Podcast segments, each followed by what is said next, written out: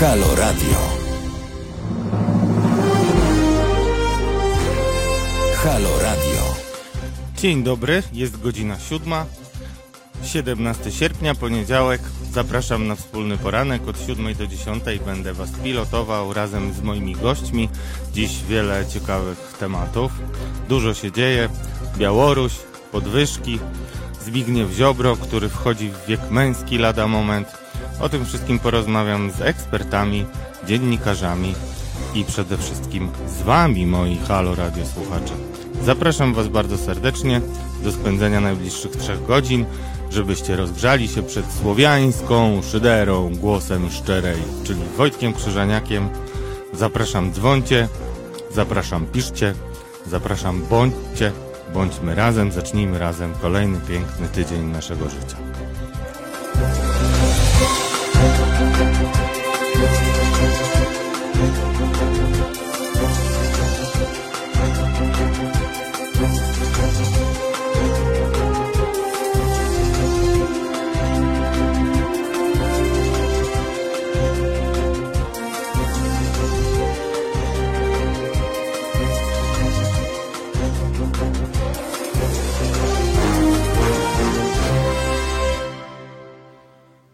Dobry Polsko, dzień dobry Warszawo, dzień dobry wszystkie bratnie miasta od Radomia przez Kraków, Rzeszów, Lublin i wszystkie stolice wojewódzkie. Witam Was serdecznie, Radosław Gruca za sterami oraz Patryk, który dziś realizuje naszą audycję. Witajcie, jesteśmy jeszcze w Amoku po yy, naszym pięknym weekendzie. Jak widzicie, e, niemniej jednak postaramy się Wam powiedzieć po pierwsze, co się wydarzyło w ubiegłym tygodniu, a po drugie, co się zdarzy w tym. Czekamy na wiadomości z Białorusi, gdzie, jak pisze e, nawet rosyjska prasa, Łukaszenko nie jest jeszcze martwy, ale jest bardzo ranny. Zobaczymy. To oczywiście metafora bo nikt na razie jeszcze na Łukaszenkę się nie zamachnął. Będziemy o tym czytać i rozmawiać. Witam Was na forum. Widzę, że jest już Dominik Świąder. Dzień dobry, widzę Jola. Zaczynamy y, na razie skromniutko jeszcze Was jest, więc musicie się ogarnąć. Moi drodzy, y, ostatni weekend upłynął y, pod sztandarami dziwnymi, było trochę manifestacji, e, były krzyże celtyckie, jak zawsze, było trochę ksenofobii, no panoszy nam się coraz bardziej radykalna e, prawica. I o tym też będziemy rozmawiać, bo wkrótce na Okopres pojawi się pewnie mój tekst, w którym na dzień bodajże, czy dwa dni przed 50, 50 urodzinami yy, prokuratora generalnego Zbigniewa Ziobro napisałem, z czego wynika taka bardzo duża aktywność Zbigniewa Ziobry i jego Solidarnej Polski w polityce. Nie wiem, czy zwróciliście uwagę, ale powinniście zwrócić uwagę, że to nikt inny, ale właśnie politycy Solidarnej Polski nadają ton wydarzeniom w zasadzie od pierwszego tygodnia po wyborach i o tym też piszę, dokąd to może doprowadzić. A jak wy myślicie, moi drodzy, dokąd to może doprowadzić? No jestem bardzo ciekaw. E, Jola M. Temat ziobry w męskim wieku można minąć. No chciałbym, ale wiesz, jest nas 38 milionów, a gwarantuję ci, Jolu, że cóż, ciebie też obchody tego wieku y, męskiego mogą dotknąć, tak jak y, nas wszystkich. Dość dużo się wydarzyło przez ten miesiąc y, ze strony Solidarnej Polski.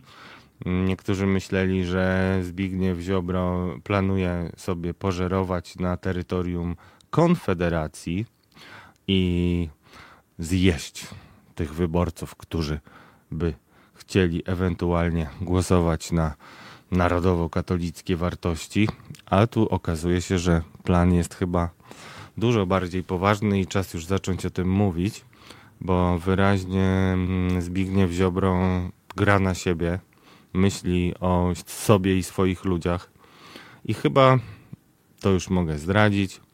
Żyję w takim przekonaniu, że Jarosław Kaczyński postawił już na swojego konia, którym jest premier Mateusz Morawiecki. Co ma wiele poważnych konsekwencji, choć niekoniecznie musi być prawdą, bo niestety żyjemy w kraju, w którym, mm, no jakby to powiedzieć, w zależności od tego, czy prezes wstanie lewą czy prawą nogą, scena i sytuacja może hmm, znacząco się zmienić. Czasami mam takie wrażenie, pisząc różne teksty i cytując wypowiedzi polityków Zjednoczonej Prawicy, którzy różne rzeczy mówią, że tak naprawdę oni sami nie wiedzą, co będzie, po pierwsze, a po drugie, mm, często zaklinają rzeczywistość. I jak piszę pewne historie, to naprawdę mam poważne obawy, że prezes dowie się o tym, co napisałem i na złość babci odmrozi sobie uszy, czyli na złość publikacjom niezależnych mediów pokaże, że to nieprawda. I to jest taka sytuacja, jakby wam powiedzieć, słaba, mówiąc delikatnie. I pytam się, jak wam się żyje w takim kraju, w którym wszyscy zależymy od kaprysów jednego człowieka, tudzież jego różnych nastrojów. Ten człowiek, jak mówią politycy i posłowie, którzy siedzą dość blisko niego, słabnie w oczach. Niestety wiek i zużycie materiału jest ewidentne. Co to może znaczyć dla Polski? Pytam ja Was i chętnie Wam powiem, co myślę o tym również. E, Mako Devil mówi, dzień dobry. Ja też mówię, Sławomir Dulas, witam serdecznie z deszczowego Feldham, całą ekipę. Dziękujemy serdecznie. Ryszard MM, dzień dobry Radku, czarownicy, Piotrze po powodzenia. Nie wiem, któremu Piotrowi kibicujesz, ale ja też życzę powodzenia. Przypominam Wam, że y, wyjątkową okazję macie, żeby zadzwonić do studia 022 39 059 22 i możecie mi powiedzieć, jak Wam bardzo upojnie i miło minął weekend, weekend. No bo cóż, trzeba żyć nadzieją, a nadzieja jest taka, że już za pięć dni będzie piąteczek, piątunia. Jest godzina 7.07. E, ma być już chłodniej w tym tygodniu. Ja na razie tego nie czuję. Biegłem do Was całą, z sercem na ramieniu, ponieważ um, dużo się może wydarzyć. Ciężko spałem, bo um, moi znajomi, um, którzy są na Białorusi i dziennikarze, z którymi się kontaktowałem, żeby przekazać Wam jak najbardziej bieżące informacje, podzielają pewne obawy dotyczące uspokojenia się mm, OMON-u, czyli tej mm, ZOMO białoruskiej. I no cóż, powiem Wam krótko. Oby nie było tak i życzę sobie wszystkiego. życzę Wam, nam i wszystkim Białorusinom tego, żeby to nie była cisza przed burzem, burzą, burzem, przed burzem, moi drodzy. Mm, przypominam telefon do studia 022 39 059 22. Czekam na Wasze telefony, a ja już sobie tutaj powoli odpalam moje notatki i powiem Wam, e, co myślę o ostatnich wydarzeniach na Białorusi po rozmowach z tam będącymi korespondentami. Przede wszystkim mnie osobiście uderzyło to i potwierdzają to ci, którzy byli na miejscu, że jest to wyjątkowo pokojowy protest. I jest takie, mm, takie, są takie zdjęcia z protestu, kiedy na tym e, wiecu, który miał pokazać kontrast, jaki nie był widoczny w urnach wyborczych, czyli e, że jeżeli ktoś dostał 80%, to nie był to na pewno Łukaszenko, ale bardziej e, jego konkurentka. Mm, więc y, po wiecu, na którym Aleksandr Łukaszenko w bardzo takiej mm, nietypowej dla siebie roli wiecowego mówcy, on bardzo dawno nie występował na żadnych wiecach, wyszedł do ludzi oczywiście odgrodzony kordonem i, i próbował y, jakkolwiek motywować swoich zwolenników do tego, żeby pokazali jemu poparcie i wyszło to tak dość pokracznie, ale o tym będziemy rozmawiać trochę później. Natomiast to, co we mnie zostanie na zawsze z tych protestów, to y, zdjęcia ludzi, którzy wchodzą na ławki i chcą obserwować, co się dzieje y, z wysokości wyższej. Natomiast nie jest to oczywiście nic nadzwyczajnego. Natomiast jak zobaczycie, że oni stoją na tych ławkach po tym, jak zdjęli buty i położyli je równo koło ławki, to jest to bardzo wiele mówiący obrazek, powiem szczerze. I nie tylko wtedy przypomniały mi się moje e, wykłady na studiach Uniwersytetu Warszawskiego, gdzie słyszałem e, od mojego jednego z wykładowców, który dzisiaj już jest dyplomatą na wschodzie, że Białoruś to wygląda na takie bardzo uporządkowane państwo. Tam jest porządeczek, tam jest dużo bardziej czysto niż w centrum Warszawy i tak dalej, i tak dalej. A ja sobie przypominam wtedy książki psychologiczne, które czytałem o takim zjawisku, który się nazywa trening bezradności.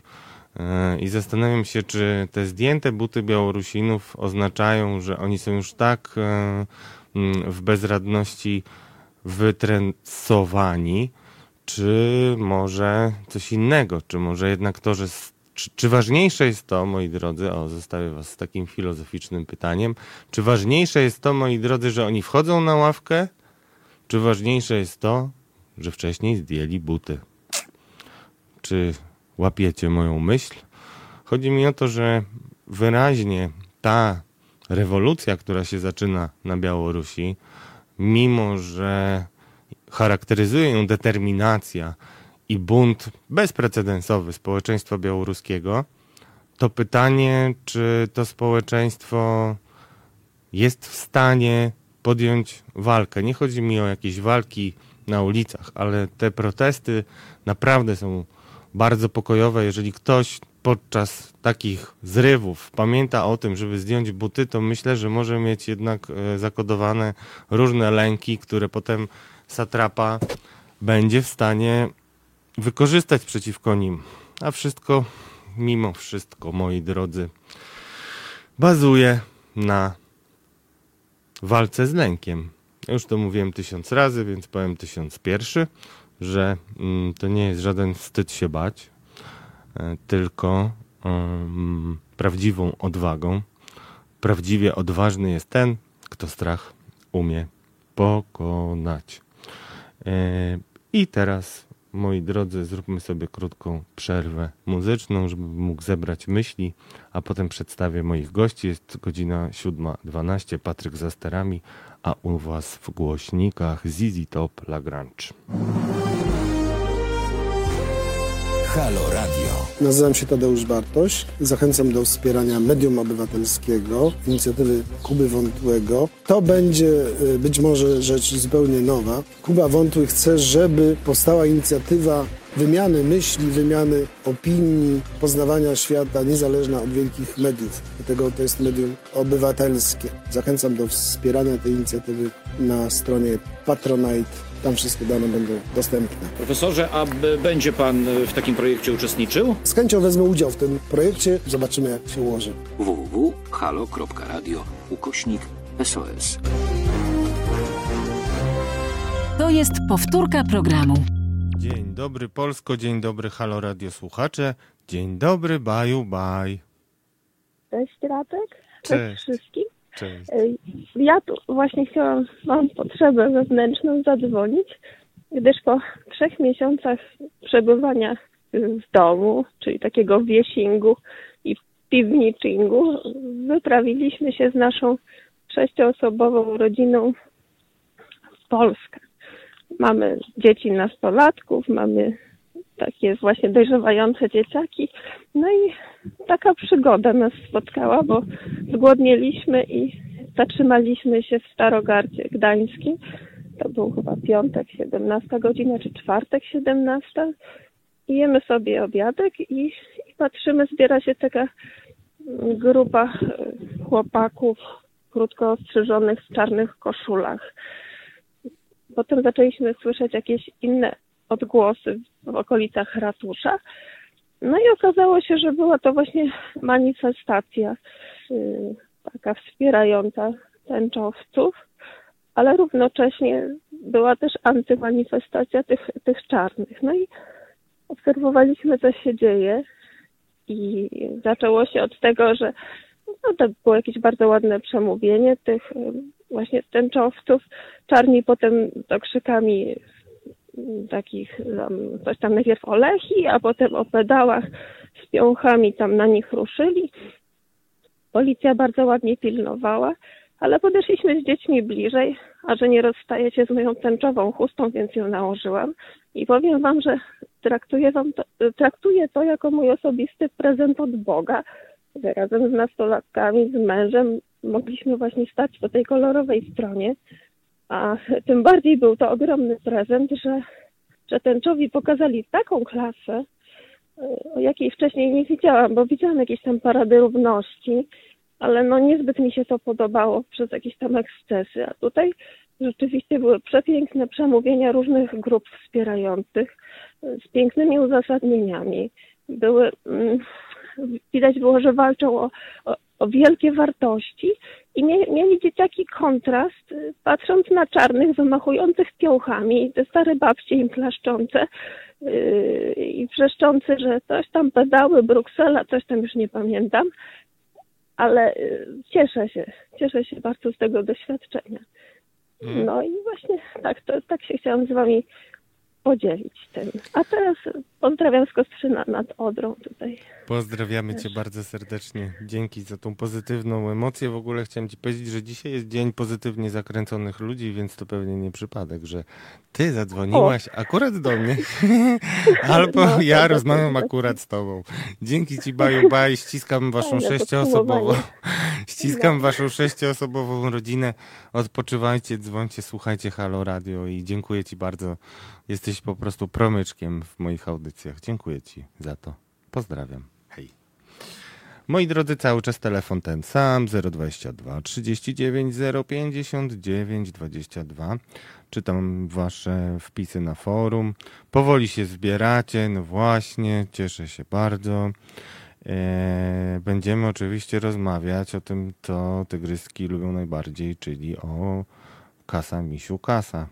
Podwyżkach dla naszych wybrańców, którzy skwapliwie głosowali wspólnie, ręka w rękę, ramię w ramię, żeby podwyższyć sobie zarobki. I myślę, że nie zrobili specjalnie mądrze dla siebie. Chociaż powiem wam, że najbardziej mnie śmieszy to, że podwyżki wrzucił y, Jarosław Kaczyński i PiS, a sondaże polecą najbardziej opozycji. Co nie jest być może mm, wesołe dla wielu z was, ani nie jest e, szczególnie sprawiedliwe. No ale żyjemy w takim kraju, samiśmy sobie to wybrali, więc teraz wypada tylko płakać, ale informacyjnie dzięki przegłosowanemu projektowi, który ma się zająć w tym tygodniu Senat i słyszymy z Senatu, że zajmie się negatywnie, hmm, prezydent Andrzej Duda który obecnie zarabia 12,5 tysiąca złotych brutto, będzie zarabiał 25 981 złotych brutto. Nie płacąc oczywiście za nic, bo fundujemy frykasy, limuzyny, telefony, gadżety, bajery, TikToki. Niestety pozdrawiam Tomka Piątka, który tropi chińskie aplikacje i wpływy. E, no, cóż mogę wam powiedzieć. Natomiast bardzo bym chciał usłyszeć wasz mocny obywatelski głos w sprawie, za którą kiedyś jednoznacznie się opowiadałem, a mianowicie w sprawie pensji pierwszej damy. Pierwsza dama, która jak wiemy chodzi sama, generalnie wszędzie, nie rozmawia nie tylko z Pawłem Wrońskim z Gazety Wyborczej. Nie wiem, czy wiecie, do czego nawiązuje, ale generalnie nie rozmawia z dziennikarzami, podobnie jak jej córeczka która miała takie wystąpienie łzawe na mm, wieczorze wyborczym już po ogłoszeniu, że jednak Andrzej Duda wygrał i wtedy nagle przypomniała sobie o tolerancji, co mi się wydaje bardzo słabe. No ale każdy ma prawo surowo oceniać lub nie surowo. Pierwsza dama 18 tysięcy złotych brutto. No wiecie co, jedna rzecz, naprawdę jest dla mnie przedziwna. Powiedzcie mi, jak to jest, że komuś fundujecie podwyżkę, a ten ktoś, cytując klasyka, Lecha Wałęsę, który wróci jeszcze na chwilę do naszej audycji, pewnie po raz pierwszy i ostatni.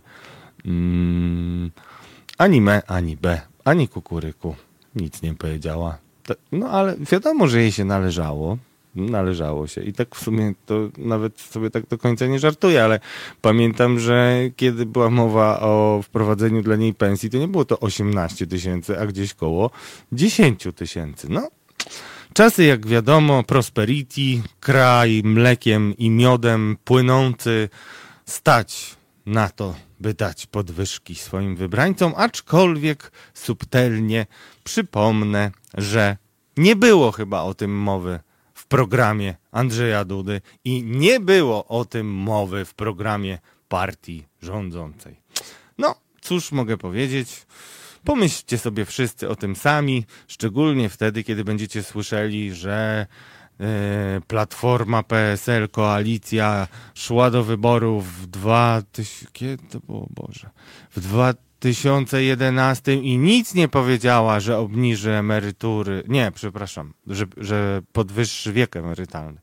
No a patrzcie, a Prawo i Sprawiedliwość nic nie powiedziało, że zrobi podwyżki i generalnie nie za dużo na ten temat się wypowiada, bo wiecie, mamy młódzkę, młódzkę totalną z tematu opozycjo.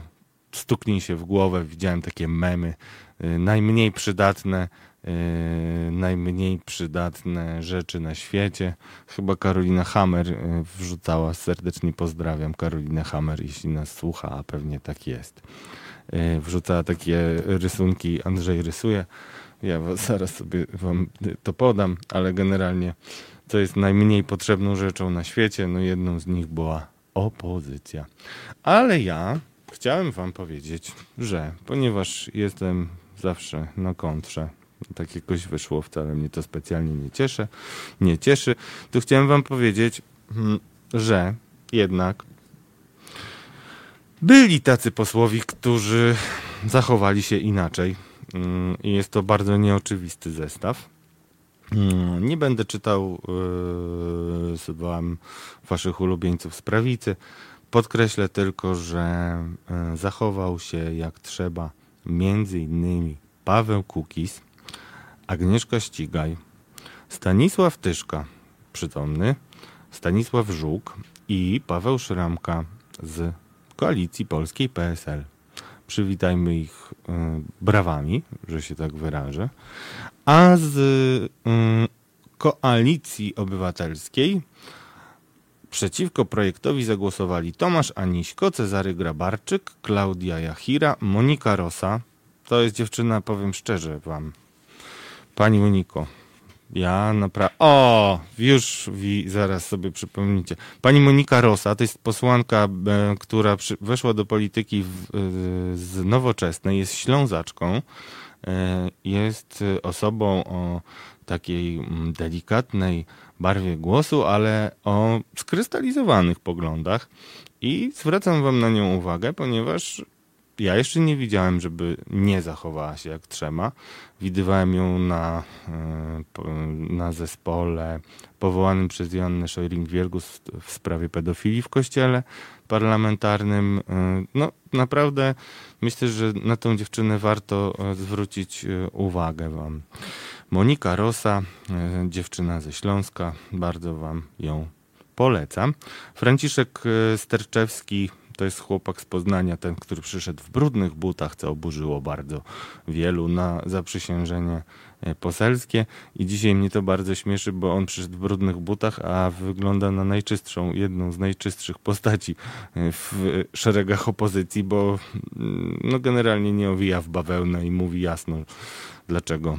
Polecam Wam, zresztą może przeczytam za chwilę to, co mówił między innymi moim kolegom i koleżankom z Okopres, które też Wam serdecznie polecam, bo było tam naprawdę w ostatnim tygodniu bardzo dużo, bardzo, bardzo mądrych tekstów.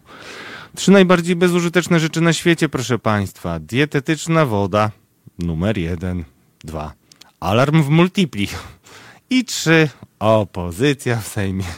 No dobrze, jeszcze y, dla parytetu y, przeczytam lewicę. Magdalena Biejat, Agnieszka Dziemianowicz-Bąk, Daria Gosek, Maciej Konieczny, Paulina Matysiak, Adrian Zandberg, Marcelina Zawisza. Mm, to jest lewica niby, znaczy nie niby, tylko w, jest y, w klubie lewicy w Sejmie, natomiast powiedzmy to wprost i oddajmy, że są to politycy partii razem. Więc to się wykazali. A przepraszam, że nie dokończyłem listy, a, a to by było bardzo nierzetelne, listy y, posłów y, y, Koalicji Obywatelskiej, którzy byli przeciwko. I był to Michał Szczerba, który naprawdę jawi się też jako wielka nadzieja opozycji. To jest ten poseł, który kontrolował, kontrolował kwestie respiratorów razem z posłem Jońskim i naprawdę napsuli dużo krwi Ministerstwu Zdrowia i całemu Prawu i Sprawiedliwości. Ostatnio Michał Szczerba był jedynym parlamentarzystą, który pojechał na Białoruś. Nie wiem, czy wiecie, zdradzę wam tajemnicę Poliszynela, że Michał Szczerba to jest absolutnie wymarzony wnuczek wszystkich chyba warszawskich babć, bo bardzo o nie konsekwentnie dba. Jest wręcz y, uosobieniem klubów seniora w Warszawie, dzięki czemu, co mm, wyśmiewali trochę jego koledzy, a niesłusznie, e, dzięki temu, że jest takim ulubionym wnuczkiem wymarzonym, no zawsze może liczyć na taką ilość głosów, która pozwala mu wejść do Sejmu. A teraz, moi drodzy, uważam, że otwiera zupełnie nowy etap swojej kariery. No, żeby być e, rzetelnym, powiem tylko, że Konfederacja również zagłosowała przeciwko. I pokazuje to najlepiej, że są to ludzie, którzy potrafią być bardzo przytomni i zróbcie z tą informacją, co tylko chcecie. Pamiętajcie przede wszystkim, że kiedy inni tracą głowę, niektórzy ogarniają się aż za dobrze. Także tak to widzę.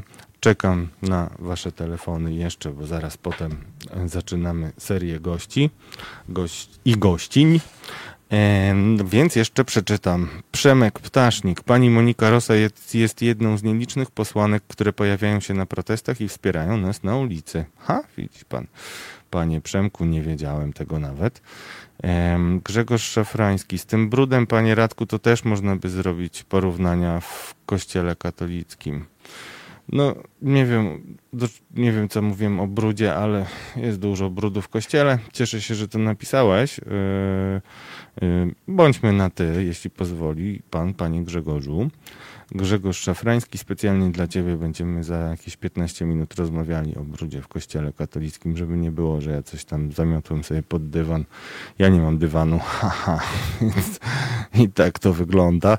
Y, będziemy rozmawiali z Justyną Zorn, mm, tylko muszę się skoordynować trochę z nią. Justyna Zorn to jest osoba, którą powinniście znać, a mam nadzieję, że również szanować, ponieważ to osoba, która jest katoliczką z Gdańska, jest matką trzech zaje fajnych facetów, y, z których y, jeden chorował bardzo na padaczkę, w związku z czym musi się nim opiekować. Jest to bardzo kochany chłopak, ale nie jest to naprawdę łatwe życie. Bardzo szanuję Justynę i jej męża Romka, bo mimo swoich codziennych obowiązków wychowywania e, trzech synów, z tym jednego wymagającego absolutnie stałej opieki, mm, nie tylko potrafi ogarnąć rzeczy w swoim domu, ale potrafi też ostro zamieszać e,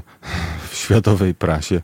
Dopiero co New York Times pisał o akcjach e, Justyny i wspierających, bo to nie sama Justyna, tam jest bardzo prężna grupa ludzi z Trójmiasta, z Gdyni dokładnie, którzy bardzo namieszali w polskim kościele i będziemy właśnie z nią rozmawiali o tym, co się wydarzyło w zeszłym tygodniu, czyli o przyjęciu przez papieża Franciszka rezygnacji arcybiskupa Leszka Sławoja Głudzia. I teraz poprosiłem Justynę, żeby podzieliła się z wami tym, co myśli na ten temat, ponieważ dużo było wokół tego em, zamieszania. Ja osobiście byłem bardzo niezadowolony. Pan Włodzimierz teraz będzie mówił, a potem ja wam powiem, choć będę zadowolony, jak już pan Włodzimierz powie. Dzień dobry, panie Włodzimierzu. Dzień dobry, Radosławie. Miło mi bardzo. Co dobrego. No, nie, mam takie jedno pytanie. Chciałbym wrócić troszeczkę do mm, kwestii e, finansowej i kwestii podwyżki dla pana prezydenta, naszego wspaniałego rezydenta, albo jakkolwiek go, by go nie nazwać. E, w każdym razie pytanie jest tylko takie. E, mówiłeś, że on ma podwyżkę z 12 tysięcy do 26 tysięcy, jak dobrze pamiętam. Tak, tak, tak. Tak? Mhm. W starej ustawie mamy, że pensja prezydenta składa się z pensji bazowej plus dodatku służbowego plus wysługi lat. Mhm. I teraz e, w nowej ustawie, projekcie e, mamy, że pensja składa się z jedne- 1,3 e, pensji sędziego Sądu Najwyższego.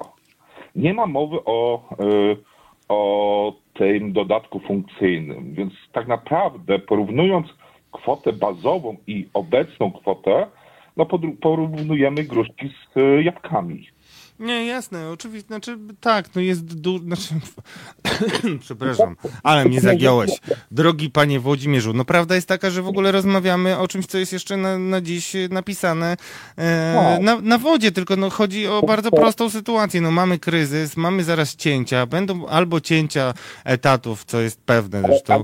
Ja, ja od, Tak. od, od, odbiegam od kwestii tego, że zrobili sobie podwyżkę w momencie, kiedy ja dostaję e, właśnie w tej chwili obniżkę pensji e, i kiedy wiem, że jedna trzecia mojego zespołu prawdopodobnie na jesień straci pracę, więc jestem wściekły okropnie, ale, ale bardziej chodzi mi o to, że no, na, w mediach publicznych, czy w mediach w ogóle, pojawiają się właśnie takie tabelki, gdzie jest pokazane 12 tysięcy na 26 tysięcy, że podwyższył sobie o ponad 100%, e, gdzie tak naprawdę on podwyższył sobie, podwyższają mu pensję o 30%. Czy to nie jest e, zagranie na to, żeby wzbudzić emocje społeczeństwa i, i bardziej e, tą, e, tą, tą kwestię podkreślić?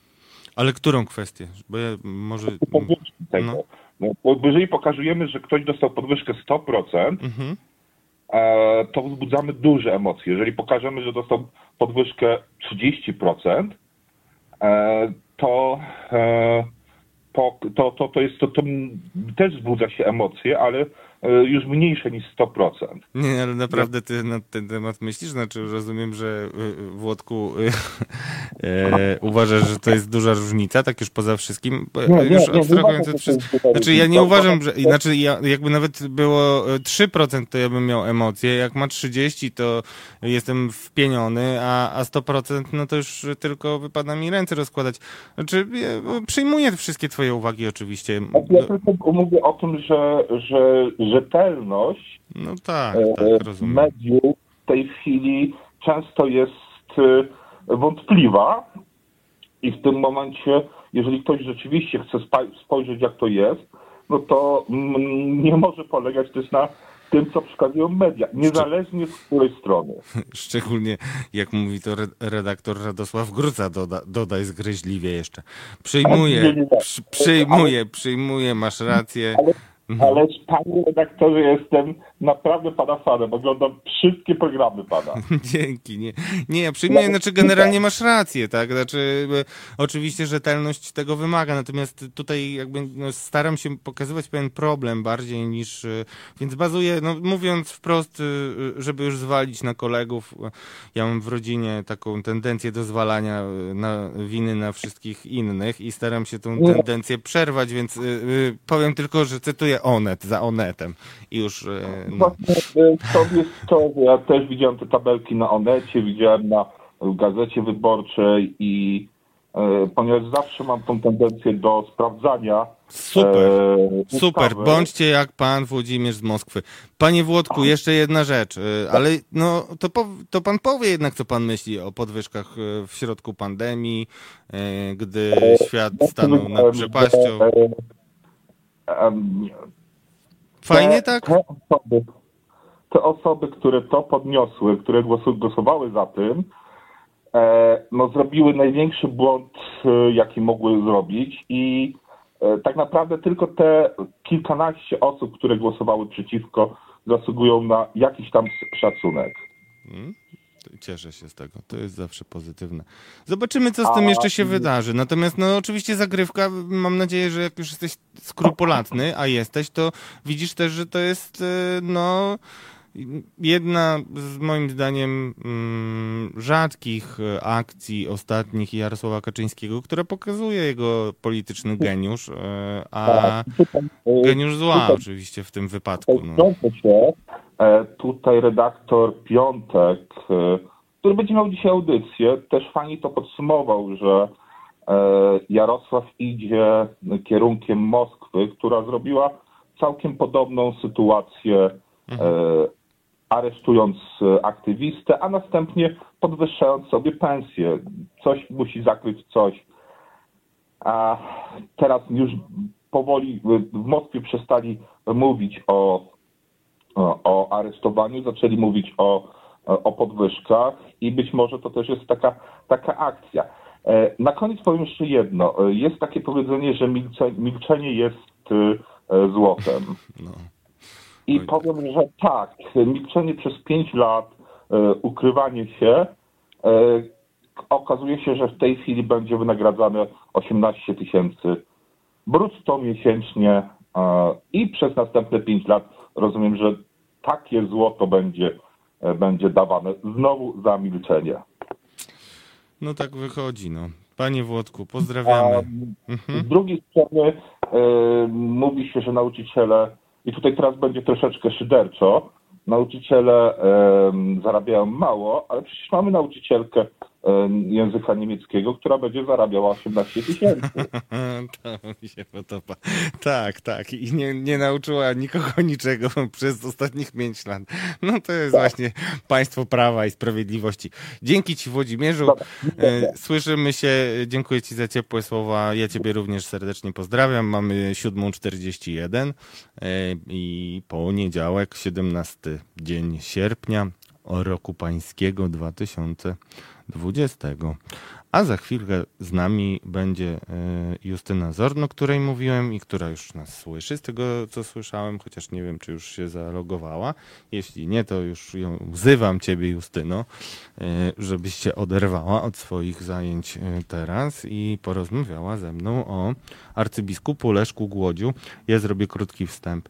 Wiecie dobrze, że mm, poświęciłem parę lat mojego życia, żeby tropić szczególnie kilku konkretnych e, pedofilów e, w sutannach. Mm, Dlatego już samo to, że arcybiskup Leszek Sławoj Głódź, e, jakby to powiedzieć, no, tuszow, mówiąc wprost, tuszował przestępstwa seksualne swoich księży jest e, absolutnie dyskryminujące, natomiast on ma dużo więcej grzechów na sumieniu.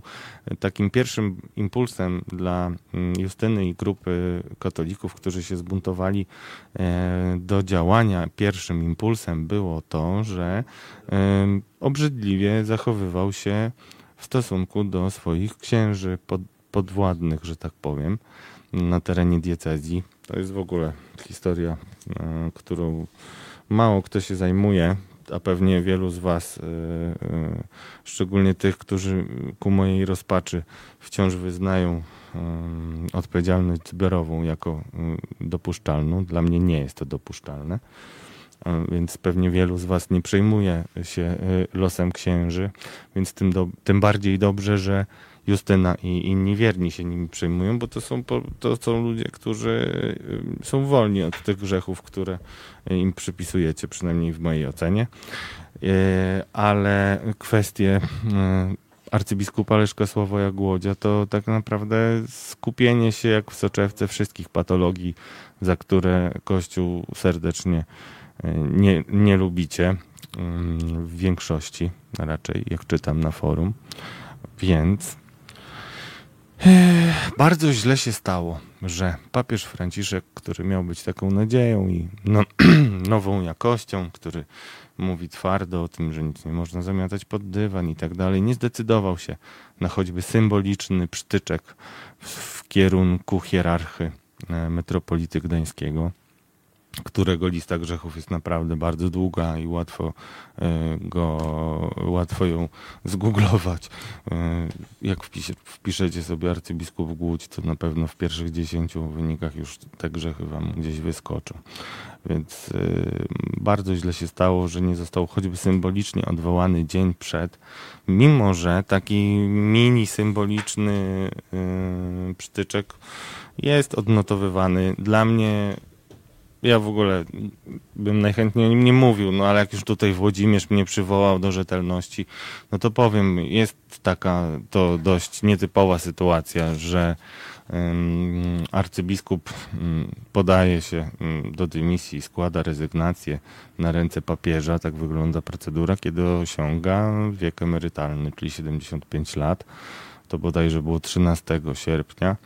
I takie nietypowe było tylko to, że w momencie, kiedy nie ma e, następcy, to mm, z reguły papież e, decyduje się na to, żeby zostawić takiego arcybiskupa na tronie przez jakiś czas jeszcze, a tutaj tak nie było. I mm, no i to właśnie, że tutaj tak nie było, tylko został wprowadzony taki namiestnik, to miało być właśnie tym znakiem takiej pe pe pewnej. New York Times o tym pisał, słuchajcie, żeby było jasne, bo Justyna Zord, matka trójki dzieci z Gdyni jest y, na, tapecie wszystkich światowych gazet. Najmniej chyba w Polsce, y, patrząc y, realnie, zgadnijcie dlaczego. No i niby papież Franciszek w ten sposób pokazał swoim owieczkom, że mm, e, widzi, że nie było dobrze i e, wprawdzie mógłby zostawić, e, ale nie zostawia mm, arcybiskupa, tylko wprowadza namiestnika. A powiem wam, no, dla mnie to jest, to, to nie jest nawet mało. Wysłałem, wysłałem ci, wysłałem ci Patryku to, co potrzebowałeś. Zaraz spróbujemy się z Justyną połączyć. Y, y, rozmawiałem z Justyną jeszcze zanim y, arcybiskup Leszek Sławoj Głódź złożył swoją rezygnację mm, i wtedy już mówiła, że mm, czuje swoje rozczarowanie, ponieważ Justyna przeszła wszystkie możliwe szczebelki, na których kościelnie mogłaby się zwracać o interwencję w sprawach tuszowania, molestowania seksualnego, pedofilii, e, sprawach finansowych, sprawach mobbingu i tak zwanego siania zgorszenia. To jest takie pojęcie kanoniczne, czyli kiedy ktoś e, zachowuje się kompletnie obrzydliwie i pokazuje swoją hipokryzję. Oj, oj, oj, oj, oj. Cóż mogę wam powiedzieć? Eee, no, wyczerpała, pojechała do nuncjusza, Oczywiście arcybiskup nigdy się z nią nie spotkał, no bo to by było zbyt trudne dla niego przeżycie, żeby spotkać się z matką trójki dzieci, która jest e, autentycznie wierząca i e, wbrew e, powszechnej albo bardzo częstej hipokryzji nie zachowuje się tak, że robi co innego i mówi co innego. To by mogło być dla arcybiskupa szokiem, jakby zobaczył Yeti. To mała złośliwość pod, wiecie, schlebiam waszym gustom. A mówiąc poważnie, mm, no nie spotkała się ani z arcybiskupem, spotkała się e, ani z nikim z kościoła e, mm, trójmiejskiego, czyli mm, chyba nikt z kurii nie zdecydował się na spotkanie z tymi, którzy domagali się wyjaśnień. Trafiła do nuncjusza, czyli do ambasadora. E, było z tego też spore zamieszanie. Potem dzięki no, dzięki ludziom dobrej woli udało się zebrać naprawdę dużą kwotę 40 tysięcy złotych, żeby zapłacić za um, ogłoszenie we włoskim dzienniku La Repubblica. No i niestety um, nic się nie wydarzyło szczególnego, chociaż ważne jest dla mnie i to będzie takie moje bardzo wewnętrzne odczucie, którym się z wami mm, podzielę i może będziecie mieli jakąś satysfakcję. Jeśli tak, to życzę wam, żeby ona była gorzka bardzo. E, No bo ja w zasadzie mam już wynik swojego papierka lakmusowego, jakim było to ogłoszenie. Bo jeżeli papież e, przekazuje, że zna stanowisko wiernych i się o nich modli, po czym nie wydarza się praktycznie nic, no to na co tutaj ja mam mieć nadzieję, jeśli chodzi o struktury kościelne? Nie mam tej nadziei praktycznie. Mam ją tak na złość, na przekór, ale ona jest nieracjonalna. To jest taka nadzieja jak na, nie wiem, cud. Więc oczywiście pielęgnuję ją jakoś w sercu, natomiast jest mi bardzo, bardzo źle z tym, moi drodzy. Także może powiosłujmy sobie teraz e, chwilowo razem, żeby poprawiła mi się trochę mm, ogólna sytuacja mentalna. Pozdrawiam Was tymczasem i posłuchajmy sobie kultu piosenki młodych wioślarzy. Halo Radio. Wspieram i słucham Halo Radia, zwłaszcza dzisiaj, kiedy media marnieją. Bogusław Rabota, Rzeczpospolita. www.halo.radio ukośnik SOS. To jest powtórka programu. Dzień dobry Polsko, dzień dobry Halo Radio Słuchacze, dzień dobry Justyno, 7.54, a z nami jest Justyna Zorne z Gdyni, mama, żona i no już nie wiem, liderka bym powiedział, jedna z wielu liderek katolików, którzy zbuntowali się przeciwko arcybiskupowi Kłudziowi. Dzień dobry Justyno. Dzień dobry, witam Was wszystkich serdecznie i zwłaszcza Ciebie Radku. Ja witam Ciebie i wszystkich naszych halo słuchaczy oraz pobieraczy podcastów. Justyna, krótko i na temat. Jak Ty się czujesz z tą decyzją, którą już streściłem, jeśli chodzi o arcybiskupa Głudzia? Nie było symbolicznego odwołania, było błyskawiczne przyjęcie mm, jego rezygnacji. Macie namiestnika teraz. Rozumiem, że namiestnik pierwsze co zrobił, to e, napisał do Was list, że chciałby się z Wami spotkać i, wspólne czyszczenie dywanu oraz wszystkiego, co było ukryte pod nim, wykonać, tak? Ech, No niestety tak to się nie odbyło. Ogólnie jestem bardzo rozczarowana tą całą sytuacją, ponieważ e, ani oficjalnymi, ani nieoficjalnymi kanałami nie doszły do nas żadne informacje, jakoby zostało wszczęte postępowanie wyjaśniające albo postępowanie kanoniczne względem arcybiskupa Głudzia, a lista jego przewinień i zarzutów mu stawianych publicznie przez wiele osób jest bardzo, bardzo długa. Z kolei obecny administrator już w jednym z pierwszych wywiadów, jakich udzielił dziennikarzowi z Dziennika Bałtyckiego, powiedział, że no oczywiście on może się z nami spotkać, ale od razu zastrzega, że jego kompetencje są bardzo, bardzo ograniczone, że w zasadzie on tu się zajmuje tylko administrowaniem i takim bieżącym zarządzaniem diecezją, a nie koniecznie rozwiązywaniem problemów, bo to nie leży już w jego gestii. Super, czyli generalnie e, biskup Piłat, e, takie sympatyczne mogę mu nadać już.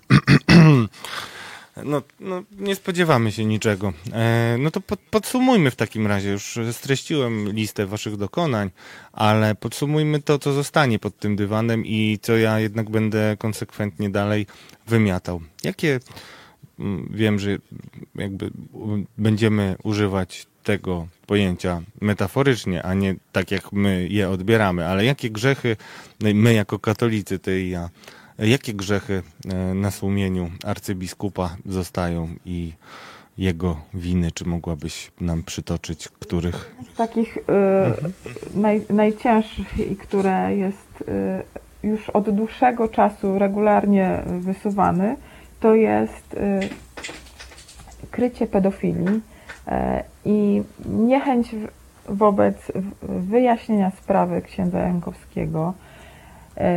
I to bardzo bulwersuje nie tylko opinię publiczną, ale też y, y, wielu wiernych. Kolejnym zarzutem, który jest y, wy, jakby wyciągany wobec arcybiskupa Głudzia już od 2013 roku, to jest mobbing wobec podwładnych. przemoc słowna i psychiczna, jaką biskup stosuje wobec księży. Kolejny zarzut to jest symonia, czyli sprzedaż urzędów kościelnych, która ten proceder jest super rozwinięty niestety y, w naszej archidiecezji. No i ostatni zarzut, który też się dość często pojawia, to jest wyprzedaż majątku parafialnego, co się odbywa całkowicie bez, często bez wiedzy albo po fakcie parafianie zostają poinformowani i bez jakichkolwiek konsultacji z nimi. No właśnie, jeszcze, no właśnie te, jeszcze te, te, chciałbym, żebyś nam powiedziała, bo nie wszyscy sobie zdają z tego sprawę. To nie jest tak, że arcybiskup przeszedł na emeryturę i sobie pojechał do, swojej, do swoich latyfundiów, e, czyli wielkich posiadłości e, tam na Podlasiu, skąd e, dzielił i rządził od wielu, wielu lat, tylko mówi się, że on nawet będzie pilnował interesu na miejscu. Tak, biskup cały czas jest w Gdańsku. Nawet w rezydencji na Oruni może nie huczne, ale przybyło sporo gości, żeby świętować jego urodziny w czwartek. Więc on sobie dalej, dalej mieszka w Gdańsku. W piątek, jak było spotkanie e, Rady Kapłańskiej z nowym administratorem, to arcybiskup też w tym uczestniczył. Więc e, w zasadzie tak Formalnie to nie widać żadnych, e, formalnie i nieformalnie w zasadzie, nie widać żadnych na razie zmian. Zobaczymy, co przyniesie też czas, nie? No wiadomo.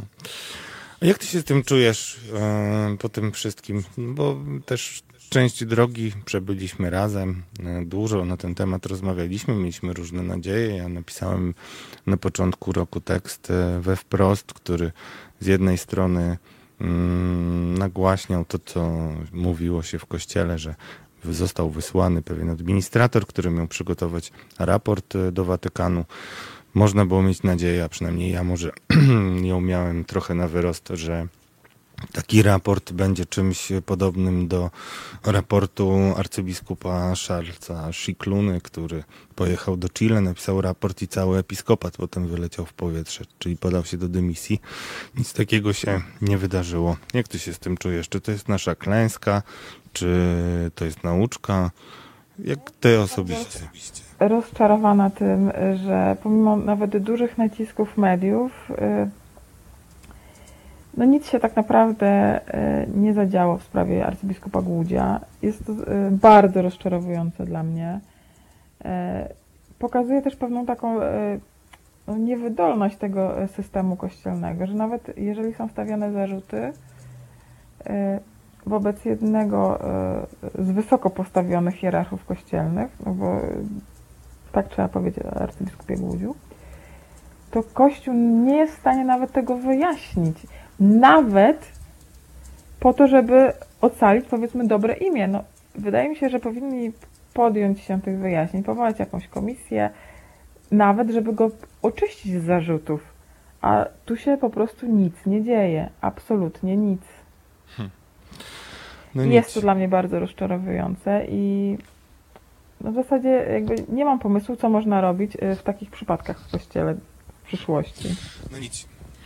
No właśnie, ja też nie mam na razie pomysłu, ale wiesz o tym i mm, myślę, że jeszcze nie raz będziesz miała okazję e, to mówić, że Kościół to nie są hierarchowie. Kościół to są właśnie tacy ludzie dobrej woli, ludzie którzy, jak te, jak e, ludzie, którzy zaczęli wokół was działać i myślę, że jeszcze wiele dobrego możecie zrobić. Zresztą sama wiesz, że nawiązaliście wiele kontaktów i czuć jednak taki oddolny, oddolnego ducha odnowy w kościele, to znaczy przestały być już e, dopuszczalne postawy konformistyczne, czyli wszyscy przytakujemy i mówimy, no tak jest źle i tak dalej, no ale co tu zrobić, tylko wreszcie jest jakiś głos wiernych, tak jak was nazywam. Także Justyna, bardzo Ci dziękuję za Twoją walkę. Nie odpuszczaj i, i wszystkiego dobrego dla Ciebie i dla Twojej rodziny i wszystkich, którzy Was wspierali. Myślę, że kto jak kto, ale wy możecie w lustro spoglądać nie tylko ze spokojem, ale i z dumą. Ja się nisko wam kłaniam i pozdrawiam. Dzięki ci. Dziękuję bardzo. Dzięki. Miłego dobrego. dnia, miłego dnia. Moi kochani, to jest doskonały moment, żeby przypomnieć wam o zrzutce zrzutka.pl ukośnik kampania, roczny koszt kościoła katolickiego 20 miliardów złotych.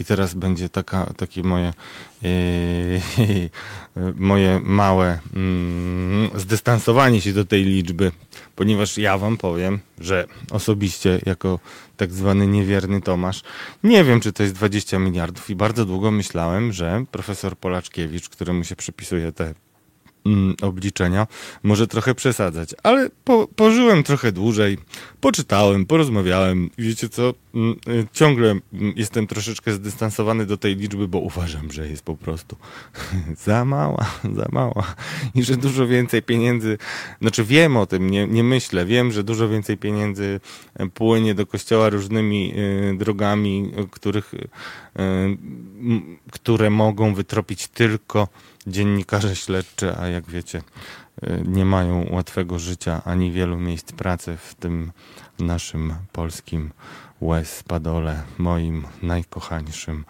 najukochańszym kraju.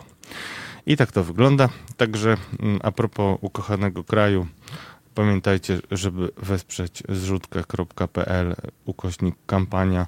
Kampania, w której dyskutujemy o tym, ile kosztuje nas Kościół, kiedy mamy 14 e, miliardów złotych zadłużenia szpitali, a, a 20 miliardów naprawdę lekką ręką wydajemy na Kościół.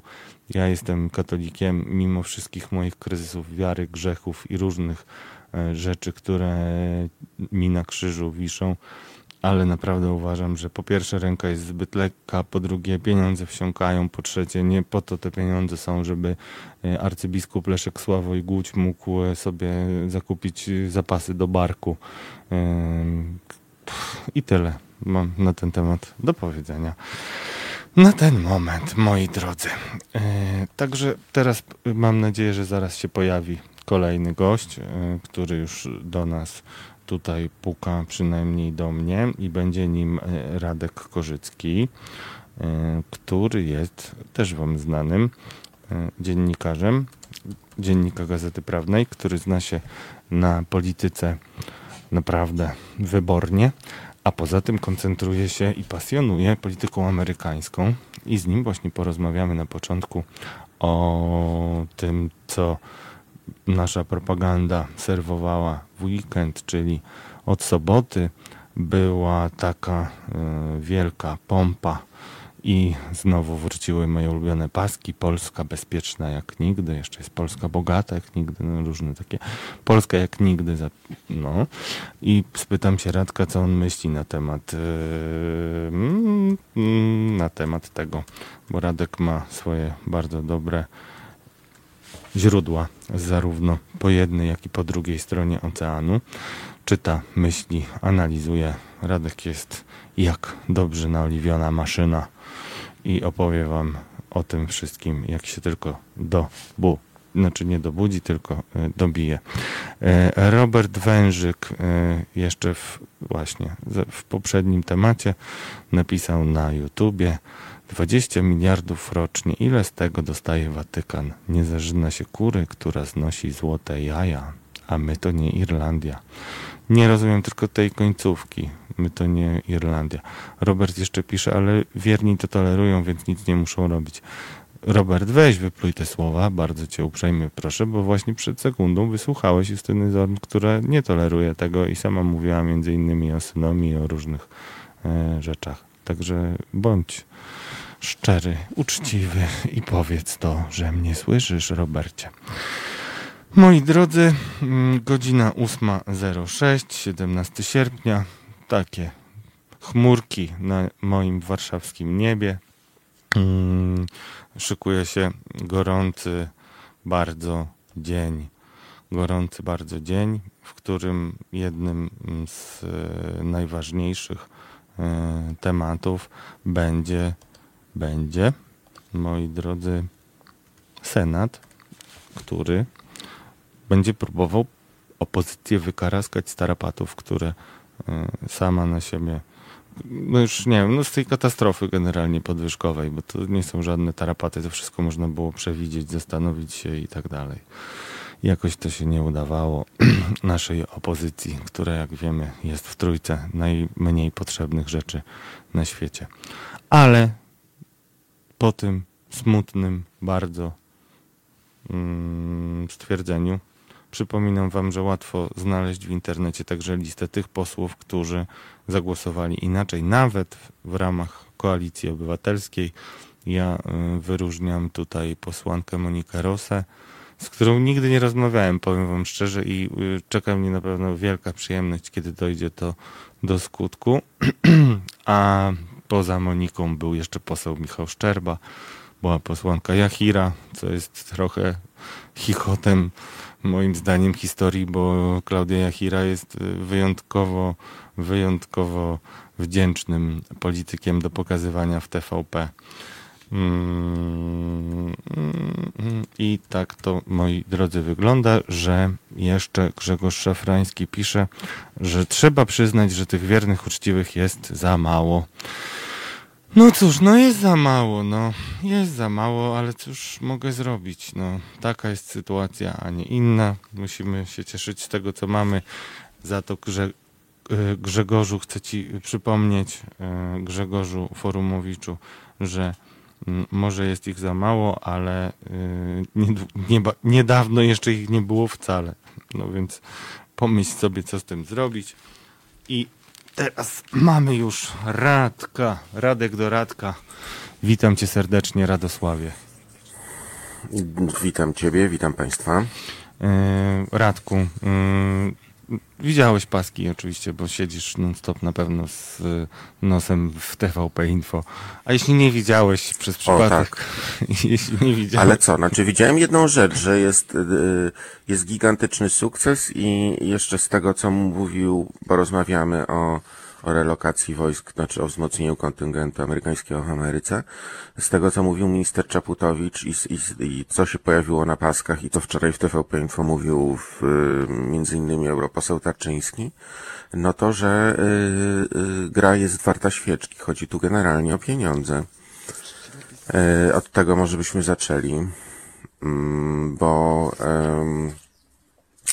generalnie o pieniądzach dżentelmeni nie powinni rozmawiać, ale no to jest ogromny problem. E, wcześniej szef e, amerykańskiego Ministerstwa Obrony Narodowej Mark Esper mówił, że to my będziemy płacili w zasadzie za wszystko. Natomiast to zawarte w sobotę podpisane przez Błaszczaka i ministra Pompeo mm, w Pałacu Namiestnikowskim porozumienie EDCA reguluje to, że Polska pokrywa, znaczy już oficjalnie, że Polska pokrywa wszystkie koszty rzeczowe infrastrukturalne. I to ma y, dwa aspekty, to znaczy na przykład Amerykanie mówią, że chcą koszary, to my go budujemy. Natomiast jeżeli jest coś bardziej skomplikowanego, typu Centrum Ochrony Cybernetycznej, e, to my stwierdzamy, o, że nie mamy takich zasobów, technologii, nie potrafimy tego zrobić, to Amerykanie sami budują, a my za to płacimy. E, jeszcze, jeszcze nie wiemy, e, jak wielka to będzie inwestycja, to będą następne ustalenia, no ale to będą niewyobrażalne pieniądze. E,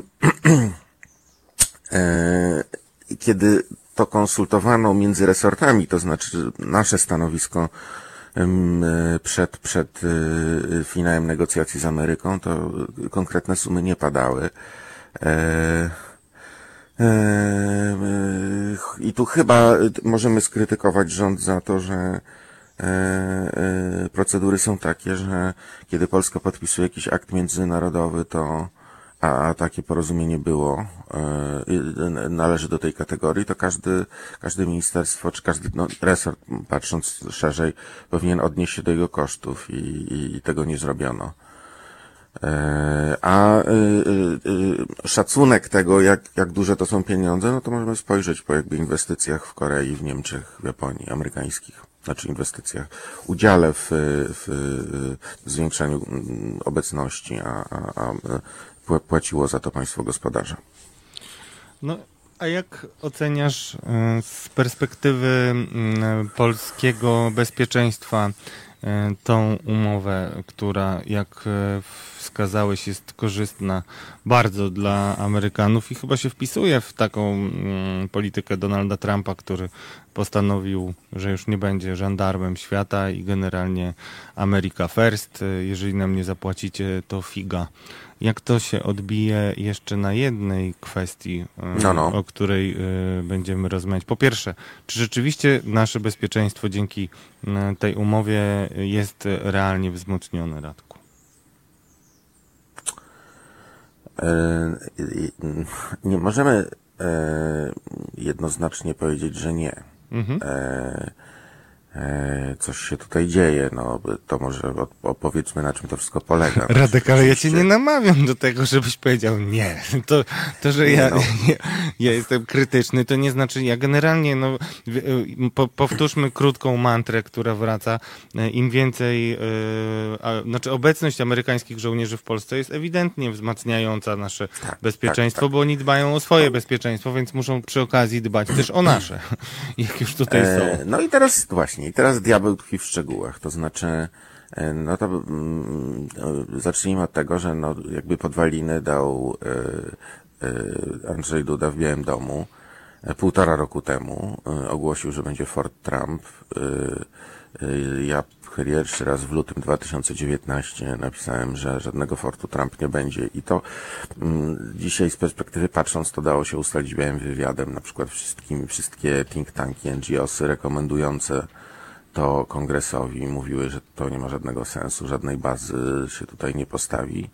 E, To, co e, intrygowało Trumpa w tym, to osłabianie Niemiec, więc e, mo, mo, mogła mu imponować perspektywa jakby zamykania Rammstein i budowy wielkiej bazy w Polsce. Natomiast nikt na poważnie ani w Białym Domu, ani w Pentagonie, ani w Kongresie a szczególnie Izbie Reprezentantów, Izbie Reprezentantów, która decyduje o alokacji funduszy oraz Senatowi, który decyduje o porozumieniach międzynarodowych, e, nie, nie brał tego na poważnie, że można zlikwidować e, e, obecność w Niemczech i przenieść ją w całości do Polski.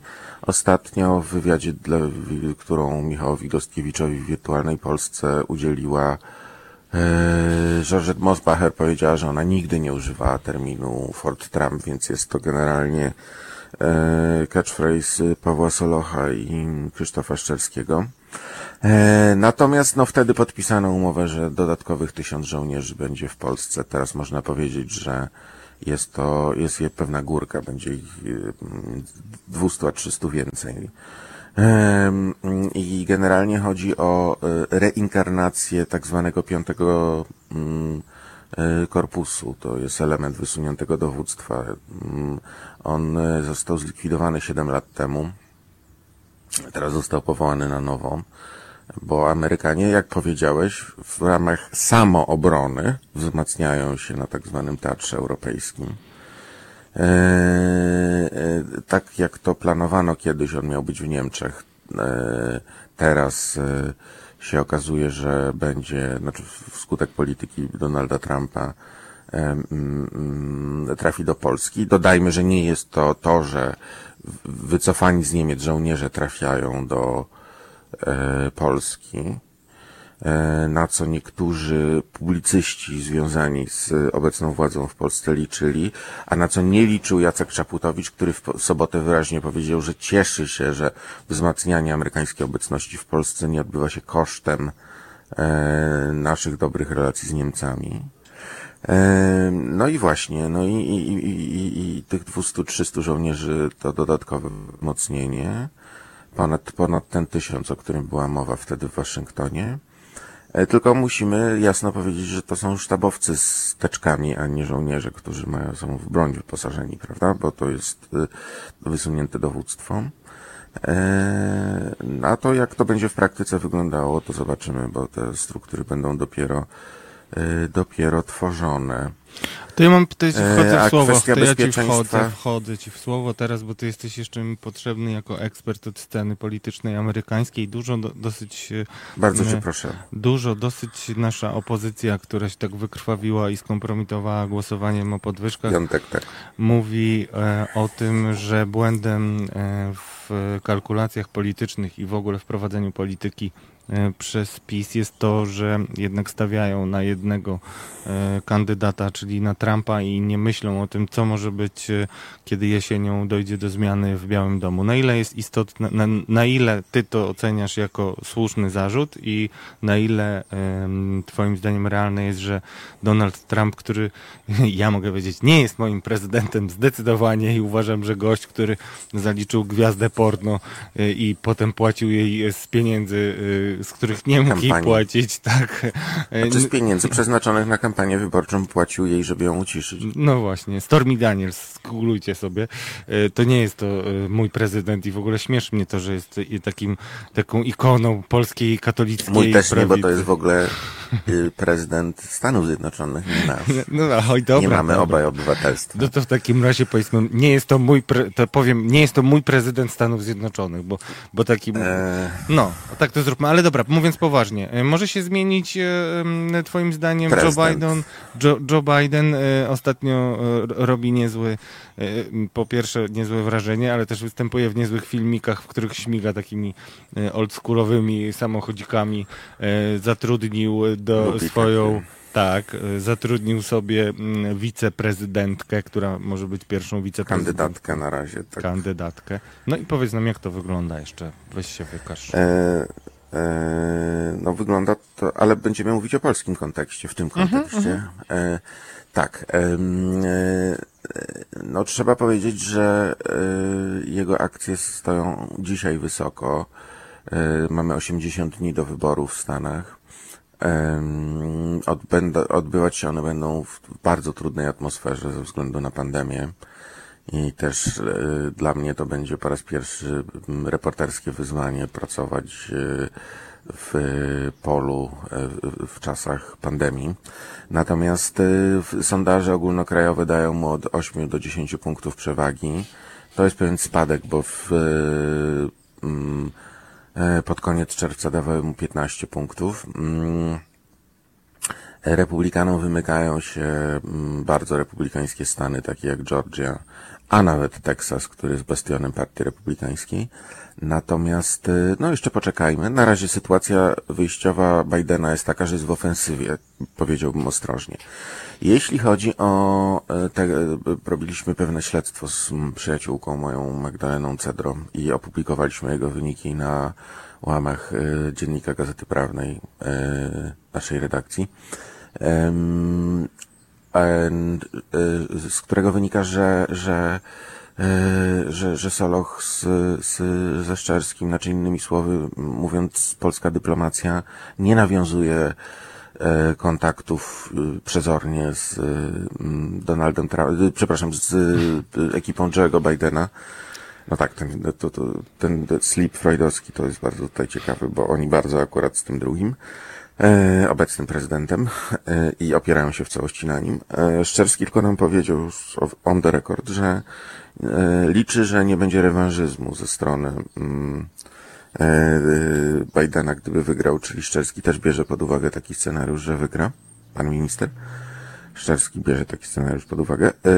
Natomiast amerykańska dyplomacja nie polega na rewanżyzmie, natomiast myślę, że tutaj jakaś podświadomość przez e, profesora Szczerskiego przemówiła, bo e, e, jeśli wrócą, znaczy jeśli po czterech latach wrócą demokraci i do dyplomacji wróci na przykład Victoria Nuland, a przede wszystkim Susan Rice, która może być szefową dyplomacji w y, rządzie Bidena, to wróci praworządność LGBT i różne inne rzeczy.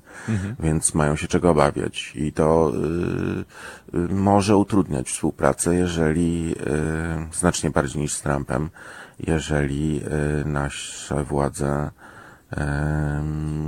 no, nie wrócą na drogę praworządności. E, Z perspektywy amerykańskiej to jest mowa zależna, tak uważają Amerykanie. Moje zdanie nie ma znaczenia. Okej, no, okej. No, Dobrze, że to podkreśliłeś. E, Mówiąc, tak. mówiąc, mówiąc, k- mówiąc wprost, e, to, to, w takim razie jeszcze powiedz mi, na ile to jest e, trafny zarzut e, ze strony opozycji, bo ty mówisz, że przezornie nie nawiązują żadnych kontaktów. E...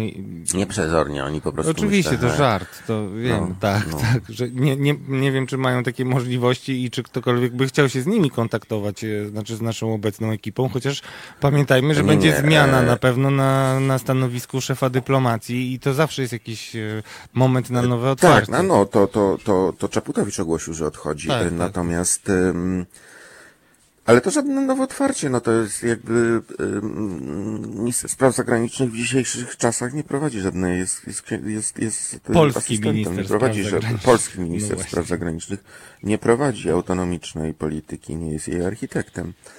I to się nie zmieni po, po, po rekonstrukcji rządu.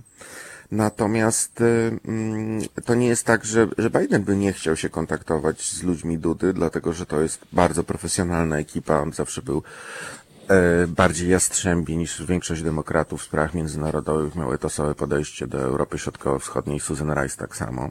A, a powtarzam, że będzie ona prawą ręką w sprawach zagranicznych e, prezydenta jakiegokolwiek stanowiska by nie pełniła, no, raczej będzie szefową MSZ-u. Za Obamy była szefową BBN-u, znaczy tam Biura Bezpieczeństwa Narodowego, czy tam Rady Bezpieczeństwa Narodowego, w zależności od tego, jak tłumaczyć. I tu jest jakby y, y, główny znaczy problem jest po naszej stronie, że nie, nie, nie, nie angażujemy się w to, nie, nie, znaczy, że, że, że Płatna Mistnikowski nie szuka kontaktu z Bidenem. Natomiast y, ja chciałem jeszcze na marginesie relacji z y, obecnej amerykańskiej władzy z obecną Polską podkreślić, że Amerykanie odnoszą tu gigantyczne sukcesy w wykorzystywaniu nas y, do blokowania podatku cyfrowego, sprawy bardzo kluczowej.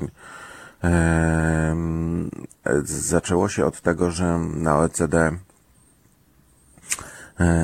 debatowano o y, podwyższeniu, znaczy o, o wprowadzeniu w ogóle jakiegokolwiek minimalnego CIT-u we wszystkich krajach świata, żeby wyeliminować te wszystkie republiki no, tak zwane bananowe, to znaczy Bahamy, gdzie raje tam płaci 0% mhm. raje podatkowe. 0% e, podatku. E, Steve Mnuchin, minister finansów amerykański w czerwcu wywrócił stolik, nic z tego nie będzie, więc teraz kwestia opodatkowania amerykańskich gigantów, Apple'a, Google'a, e, Facebooka, Amazona, czyli tej wielkiej czwórki, przeszła na Unię Europejską. Francuzi zrobili krok do przodu, wprowadzając własny podatek cyfrowy, mm, ale egzekucję jego wstrzymali do tego, aż cała Unia to y, ustawi, były plany, że na Boże Narodzenie, teraz nie wiadomo jak to będzie za niemieckiej prezydencji, bo jest dużo innych wyzwań. Natomiast Polska jest wielkim hamulcowym i koniem trańskim Ameryki w blokowaniu tego. Minister Kościński wysyłał sygnały, nasz minister finansów, że mm, musimy, musimy wprowadzić, nie mówił o żadnych konkretach i, i, i a to, że jakby e, polski rząd, nie chce nikogo oskarżać, robi to świadomie, ale co najmniej zaniedbuje sprawę, świadczy to, że podczas wizyty Majka Pompeo w ogóle ten temat nie stawał na agendzie, a no, nie jest to wielkie śledztwo dziennika Gazety Prawnej, bo to też można białym wywiadem ustalić, że szereg polskich NGO-sów zwracało się do Morawieckiego i do Czaputowicza w sprawie tego, czy będą z Amerykanami rozmawiać na temat podatku cyfrowego i, i wypisałem sobie z, z tego, co w mediach społecznościowych krąży pod hashtagiem Pytamy Pompeo.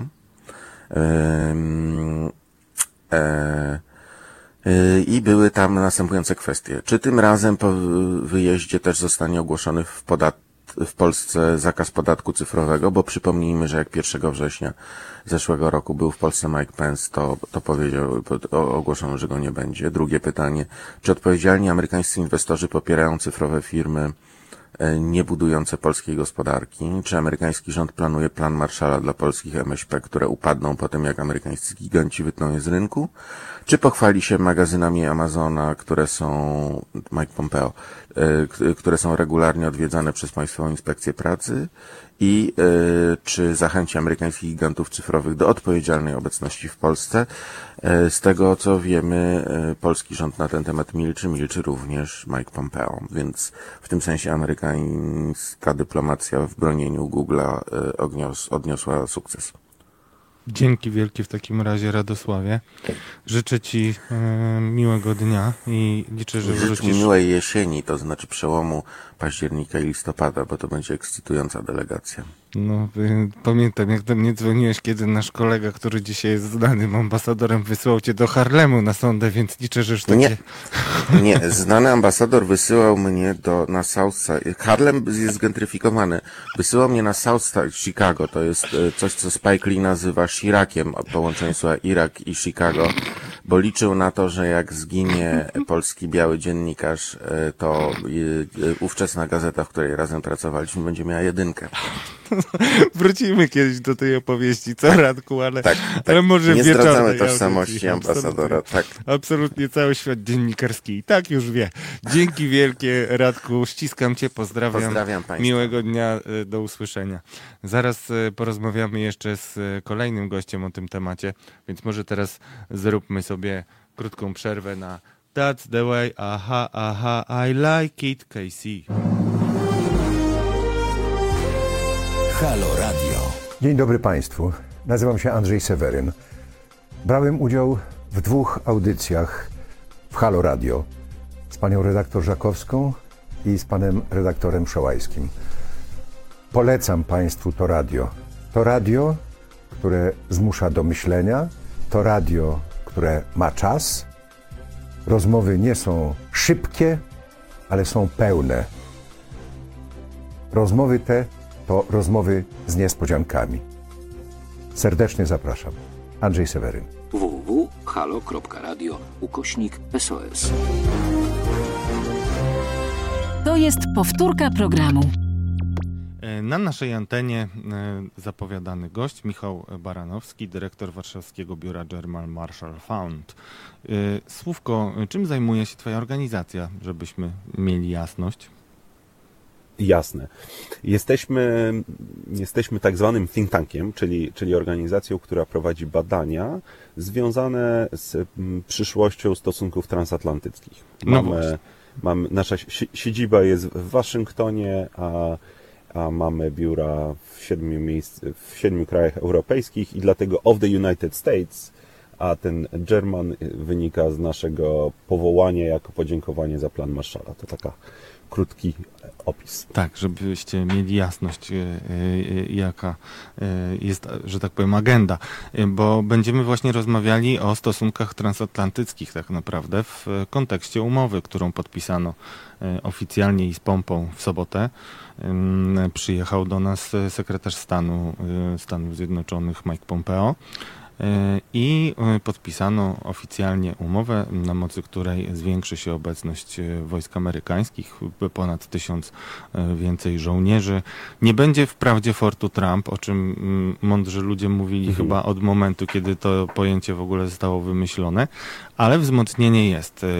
Ile za to Polska zapłaci i zacznijmy od tego, bo zaraz potem będę chciał spytać, mhm. czy to jednak nie wpływa albo nie będzie wpływać na spójność samego sojuszu. Więc najpierw o, o tej samej umowie, jakbyś mógł prosić pana dyrektora dwa słowa. Tak, pewnie. Dwa słowa. Znaczy, przede wszystkim trzeba przypomnieć słuchaczom i nam wszystkim, że ta umowa była negocjowana od dłuższego czasu. Rok temu prezydent Trump i prezydent Duda podpisali porozumienie strategiczne, gdzie umówiono się, że Polska otrzyma dodatkowe tysiąc żołnierzy. Obecnie w Polsce stacjonuje 4,5 tysiąca żołnierzy amerykańskich. Jest to decyzja podjęta jeszcze przed poprzednią tak naprawdę administracją, potem podtrzymana przed, przez obecną administrację amerykańską, czyli do tych 4,5 tysiąca żołnierzy dojdzie tysiąc dodatkowych żołnierzy. Za to jakby ważnym elementem tej umowy jest również to, że w Polsce powstanie wysunięty element dowodzenia na poziomie korpusu armii amerykańskiej. Czyli z Polski, z Poznania Amerykanie będą mogli koordynować dowodzenie e, swoimi wojskami na całej wschodniej flance. I to jest rzeczywiście i z takiego poziomu politycznego i symbolicznego, ale również do pewnego stopnia praktycznego, bardzo ważny e, element tej umowy. Coś, co było, co było wynegocjowane jakby dodatkowo w porównaniu do tego, co już było e, dawno, dawno ustalone. Więc to są te główne parametry tego porozumienia wojskowego, które zostało podpisane w sobotę. E, panie dyrektorze, chciałem spytać o te kontrowersje, które były podnoszone mm, przed e, podpisaniem umowy, to znaczy mm, przede wszystkim słuchałem takiej rozmowy z Patrycją, z panią profesor już e, Pat Patrycją Grzebyk z Uniwersytetu Warszawskiego, która mówiła i sygnalizowała takie nietypowe, nie, może nie nietypowe, ale kontrowersyjne podejście, to znaczy zgodę na wyłączenie e, amerykańskich żołnierzy spoza jurysdykcji polskiego prawa. Mhm, Jak to się mhm. skończyło, bo dużo wokół tego było dyskusji, e, co wiemy dzisiaj na ten temat. Tak, znaczy po, po pierwsze nie znamy jeszcze dokładnych zapisów tej umowy. Ta umowa nie została jeszcze w pełni e, zaprezentowana, więc, więc detalom będziemy musieli się e, przyglądać. Z tego, co rozumiem, z tego, co przekazali rządzący też, też e, z pewnych wycieków, wiemy, wiemy to, że po pierwsze Amerykanie będą mieli, będą wyłączeni do pewnego stopnia z jurysdykcji polskiego systemu sprawiedliwości. Szczególnie jeżeli chodzi o przestępstwa, wykroczenia spowodowane podczas, podczas mm, ich pracy związanej z obecnością, tak, czy podczas pracy wojskowej. To jest takie twardsze wykluczenie. A z drugiej strony będzie, Polska będzie musiała wnioskować o to, żeby żeby amerykańskich żołnierzy pociągnąć do odpowiedzialności wojskowej, nawet jeżeli do odpowiedzialności, odpowiedzialności cywilnej, nawet jeżeli, jeżeli popełnią jakieś przestępstwa zupełnie mm, niezwiązane ze swoją, nie ze, ze swoją działalnością. Więc jest to takie e, do pewnego stopnia e, wyłączenie ich, ale nie jest to z pewnością e, immunitet dyplomatyczny. To nie są, to nie są, to nie są tego tego rodzaju postanowienia. Troszeczkę nam to wyjdzie w praniu, podejrzewam, no i musimy zobaczyć szczegóły, zarówno jeżeli chodzi o tą odpowiedzialność prawną, jak i o e, koszty finansowe, do, do, do sprawy której pewnie też, też powrócimy, ponieważ to nie są jeszcze znane, jasne e, zapisy. Jasne. Panie dyrektorze, jeszcze mm, zależy mi na tym, żebyśmy zobaczyli ten kontekst, który jednak płynie do nas z prorządowych mediów, bardzo wielu publicystów prawej strony wspierających rząd mówiło, mm, powtarzając słowa byłego ministra Antoniego Macierewicza, że y, fantastycznym rozwiązaniem dla Polski będzie skorzystanie na tym, że mm, Donald Trump krytykuje Angelę Merkel i Niemcy za to, że nie mhm. dokładają się wystarczająco do budżetu NATO i nie łożą na zbrojenia, za co też karą y, w powszechnej prawicowej narracji miało być e, ograniczenie mm, wojsk e, w, stacjonujących w Niemczech, co rzeczywiście zostało już zapowiedziane oficjalnie. Czy my powinniśmy się cieszyć e, z tego w ogóle? I na ile istotne jest z tego, że, że Niemcy mają ograniczoną, um, o, ograniczoną ilość amerykańskich wojsk na swoim terytorium, stacjonujących, y, my jako Polacy i czy ważne jest jednak to, że nasz minister spraw zagranicznych Jacek Czaputowicz po podpisaniu umowy mówił, że cieszy się, że zwiększenie obecności amerykańskich wojsk w Polsce nie dokonało się kosztem Niemiec.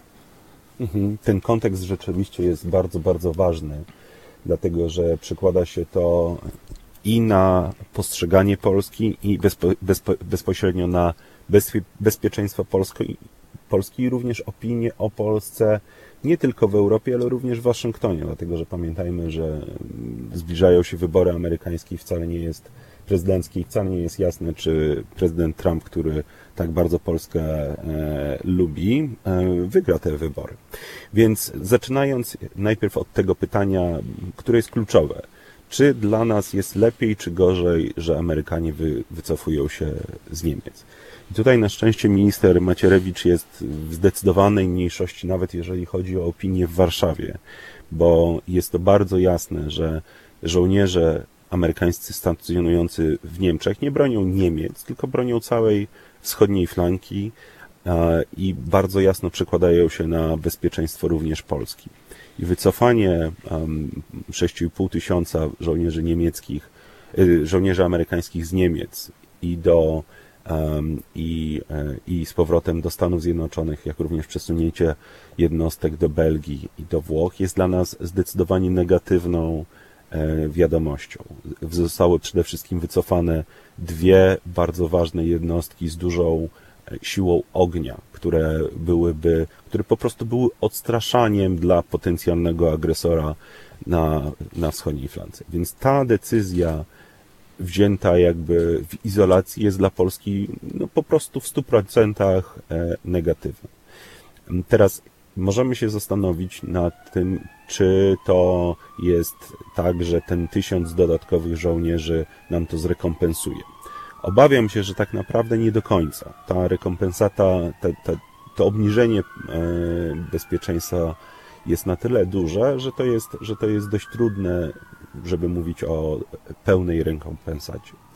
Za to zgodziłbym się ogólnie rzecz ujmując, zresztą z ministrem Czaputowiczem, zresztą mówił podobnie, podobnie prezydent Duda w Waszyngtonie. Polska stara się bardzo, aby to, te dodatkowe oddziały amerykańskie w Polsce nie były powiązane z decyzją jednak amerykańską o wycofaniu się z Niemczech.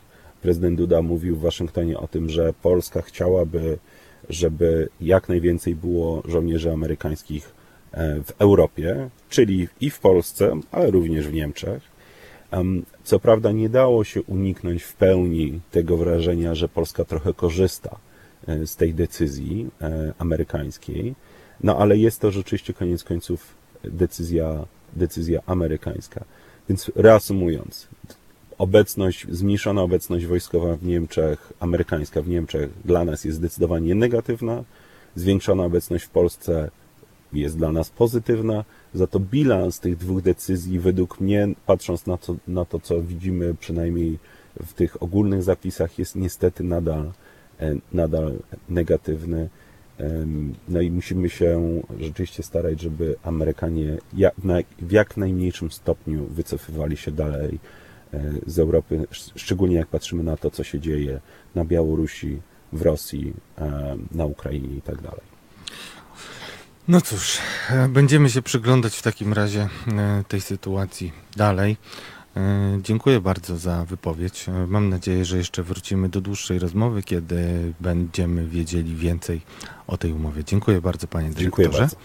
Do usłyszenia i do. E, a teraz słuchajcie, e, zrobimy e, króciutką przerwę. I'm so excited, Pointer Sisters, a po nich Eliza Rutynowska, prawniczka.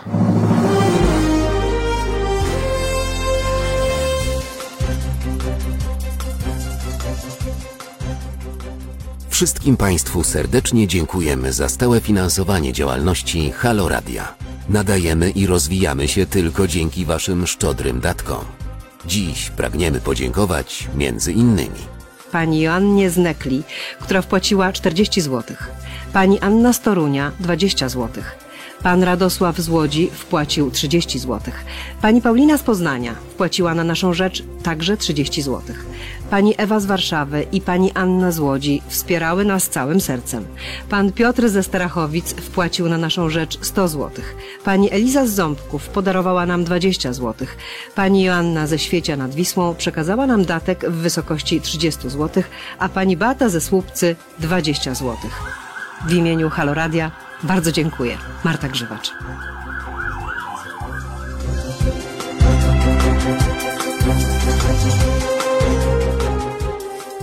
Wszystkim Państwu raz jeszcze dziękujemy i prosimy, nie zapominajcie o swoim obywatelskim Halo Radio.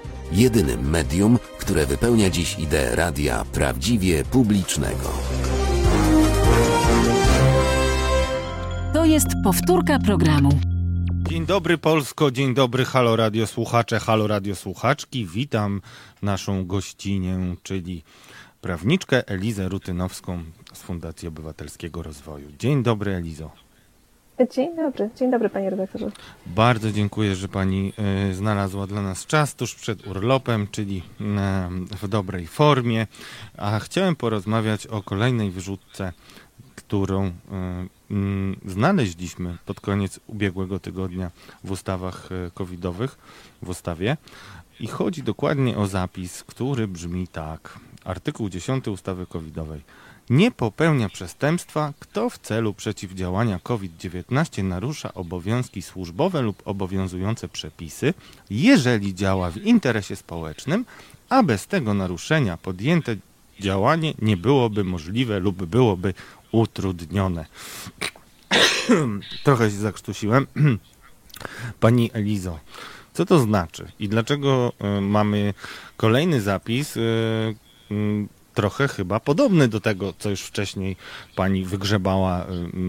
Pani Eliza, jak wiecie, jest bardzo skrupulatnym badaczem tego, co jest poukrywane w rozmaitych tarczach, więc skąd wydawało się, że już te przepisy funkcjonują, na czym mieli korzystać między innymi politycy z Ministerstwa Zdrowia. Po co ta nowelizacja? Tak, powiem szczerze, że myślałam już, że zakończyliśmy dosyć barwną kampanię w prześciganiu się na najbardziej absurdalne przepisy, które są kolejno wprowadzane do naszego systemu prawnego, ale jak się okazuje, jeszcze może być wiele przed nami.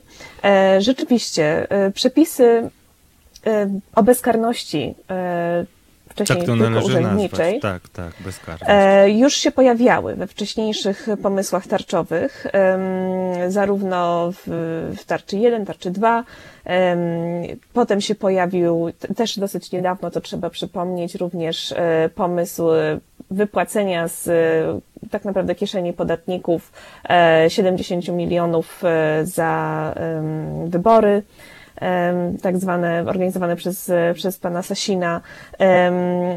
Mamy, również się dowiedzieliśmy, że tam są przepisy, które zezwalają na to, żeby również e, za maseczki znalazły się rekompensaty, e, również z kasy podatników.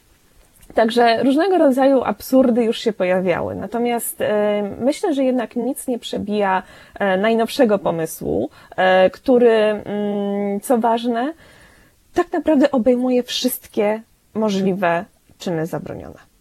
Tutaj nie ma e, tego, co było w wcześniejszych przepisach o bezkarności, czyli na przykład tutaj skonkretyzowanego e, deliktu dyscyplinarnego, albo e, tutaj kwestii niegospodarności, albo kwestii przekroczenia uprawnień urzędniczych. Tego tutaj już nie ma. Tutaj jest napisane wprost, kto w celu przeciwdziałania COVID-19 narusza obowiązki służbowe lub obowiązujące przepisy. Czyli okazuje się, że równie dobrze można, tutaj często pojawiający się przykład w takim, e, takiej debacie tutaj prawników e, wokół tego przepisu się pojawił, jeżeli ktoś mówiąc kolokwialnie, uderzy kogoś w, mm, e, w autobusie, ponieważ ta osoba na przykład odmawia noszenia maseczki, no to wydaje się, że tutaj pod tym przepisem rządzący y, i y, ustawodawcy mówią, że, że to będzie w porządku, bo, bo działa w interesie społecznym, to będzie do wykazania, a działanie podjęte nie byłoby możliwe, czyli przekonanie tej osoby do założenia maseczki, ponieważ ona kategorycznie odmawia założenia tej maseczki. No więc mamy tutaj, e, okazuje się, że ten przepis staje się taką furtką e, nie tylko do bezkarności, ale do bezprawia. Więc e, to, co chciałam jeszcze podkreślić, tutaj pan redaktor się e, na początku e, zawahał, czy mówić o ustawach. Owszem, trzeba mówić o ustawach w liczbie mnogich. E, To, co się wydarzyło, to jest bezprecedensowe i ja osobiście jestem zaszokowana, że nikt, już wszyscy o tym zapomnieli. Mieliśmy przygotowane na takie wydarzenie jak teraz e, przepisy już wcześniej, można powiedzieć ze spokojnych czasów, czyli stan, e, stan klęski żywiołowej. To, co robili urządzący, urządzają nam od marca, czyli zmiany systemu prawnego, wprowadzane e, takimi setami e, kilku ustaw, tak zwanych właśnie covidowych, to jest tak naprawdę rozmontowywanie naszego systemu prawnego. E, Właśnie przez takiego rodzaju e, wrzutki o bezkarności e, i o bezprawiu. Mhm. A jak mogłaby Pani ocenić e, dziwną postawę, m, którą prezentuje wobec y, tej poprawki Solidarna Polska? Znaczy dziwną o tyle, że istnieją, dochodzą do nas takie głosy, że dopiero y, ta y, nowelizacja realnie wytrąca możliwości prokuraturze w inicjowaniu różnych e, śledztw, a dodajmy na marginesie, że śledztwo dotyczące zakupów e, przez Ministerstwo Zdrowia zostało już e, wszczęte przez prokuraturę. Na czym polega ta różnica i czy według Pani oceny prawnej można taką hipotezę właśnie przyjąć jako motywy prokuratora generalnego? Mhm. E, Znaczy, e, tutaj analizując tak naprawdę e, wcześniejsze, wcześniej już wprowadzone przepisy, no to one jednak troszeczkę ograniczają i, i precyzują tak naprawdę to, co, co będzie można ścigać, a, a czego już nie. I teraz na przykład, jeżeli jakieś działanie było podjęte, ale nie zostanie zakwalifikowane jako takie, które na przykład tutaj w związku z artykułem 76 tarczy 2.0 mm, nie zostanie uznane za kierowanie się zwalczaniem skutków pandemii, no to wtedy to już nie jest przepis, który może, e, e, który można za- zastosować. I wtedy tutaj wchodzi w grę jakiś, e, czyli ten przepis o bezkarności, tak, z, z tarczy 2.0 e, i wtedy ewentualnie będzie można to ścigać. Ale w przypadku 10c e, takiego ograniczenia już nie ma. Nie ma już tutaj nic o e, zwalczaniu skutków pandemii na przykład. E, Wystarczy wykazać, że ktoś działał w interesie społecznym i że to podjęte działanie nie byłoby możliwe lub byłoby istotnie utrudnione. Mhm. Także y, chodzi tak naprawdę o to, żeby jak po prostu y, wszelkiego rodzaju rzeczy, które były poczynione, a proszę pamiętać, że zgodnie z artykułem 4 kodeksu karnego ta ustawa będzie miała działa, działała również wstecz, ze względu na to, że stosuje się ustawę względniejszą dla sprawcy. Czyli jeżeli doszło do nowelizacji, to będzie ta nowelizacja stosowana, jeżeli będzie względniejsza dla sprawcy. A co może być względniejszego dla sprawcy niż carte, blanche, niż bezkarność? To, co jeszcze chciałam podkreślić, to, że e, w naszym kodeksie karnym już istnieje artykuł na przykład 20 26, który mówi o stanie wyższej konieczności. I tutaj jest wyłączony na przykład, y, jest po prostu wprost napisane, że nie popełnia przestępstwa kto, ten, kto działa w celu uchylenia bezpośredniego niebezpieczeństwa grożącego jakiemukolwiek dobru chronionemu prawem. Jeżeli właśnie niebezpieczeństwa tego nie można inaczej uniknąć. Czy to nie po, przypomina Państwu właśnie tej treści artykułu 10d? Co więcej, w uzasadnieniu ustaw, y, tutaj inicjatorzy mówią wprost, że bazują na konstrukcji właśnie artykułu dotyczącego stanu wyższej konieczności. Co to oznacza? Oznacza to to, że wiedzą i przewidują, że nawet przy zastosowaniu artykułu 26 na niektóre rzeczy, które zostały zrobione lub być może będą, które być może zostały poczynione lub być może będą poczynione, nawet artykuł o stanie wyższej konieczności nie wystarczy. I to takiej sytuacji no, trzeba na to spojrzeć z wielką dozą przerażenia. Z wielką dozą przerażenia. No właśnie, pytanie, czy, czy to ostatecznie przejdzie, czy to jest jakaś rozgrywka. Niemniej jednak chciałem spytać tak ogólnie, czy to, y, czy to jest jakieś, y, y, że tak powiem, y, popularne y, rozwiązanie stosowane w krajach demokratycznych, żeby stosować tego typu wyłączenia, bo powiem szczerze, wygląda to na, no, brakuje mi słów trochę, ale Ja no, bym, powie- mhm. ja bym powiedziała y, dosadniej jeszcze. To jest rozwiązanie, które jest e, sprzeczne w mojej ocenie w ogóle z zasadą demokratycznego państwa prawa. Mm, I mam wrażenie, że rządzący i ustawodawcy e, powinni jeszcze raz, ja zawsze zachęcam do przeczytania jeszcze raz Konstytucji, ale tym razem ze zrozumieniem, jeżeli ktoś już ją czytał, i na przykład zwrócenie uwagi na artykuł 7, który mówi o tym, że organy mają działać na podstawie i w granicach prawa, ale nie oznacza to, że te podstawy i granice mają sobie sami określać jako nieograniczone. I to jest, y, to jest coś, co, jest przerażające właśnie w kontekście tych ustaw covidowych, e, które są wprowadzane jako y, tak naprawdę poszerzanie systemu prawnego e, bez, bezgranicznie i e, bezkarnie. Hmm. Pani Elizo, chciałem jeszcze ostatnią rzecz spytać. W takim razie wystawiam Pani piłkę, że tak powiem, bo jest to Pani konik. E, pani bardzo dużo mm, i bardzo spójnie na przestrzeni wielu artykułów, które e, Pani e, publikowała, pisze, pokazuje, jak systematycznie są wysadzane różne bezpieczniki, które mają e, powodować, że władza e, nie będzie mm, dyktatorska, że władza będzie musiała ograniczać się w swoich różnych zapędach. Każda władza ma zapędy, żeby mieć władzę absolutną. E, jak to wygląda ten ostatni e, akord e, na przestrzeni mm, ostatnich miesięcy też i, i sytuacji pandemii. E, czy uważa Pani, że czy, czy, czy to się układa w jakąś spójną całość i czy nam w ogóle jakiekolwiek bezpieczniki zostały? To jest już ostatnie pytanie. Został nam ostatni bezpiecznik i niestety ostatniego bezpiecznika bardzo niewielu e, posłów e, i posłanek chciało posłuchać e, w ostatni piątek. I tym bezpiecznikiem był dr Adam Bodnar i nasz Rzecznik Praw Obywatelskich.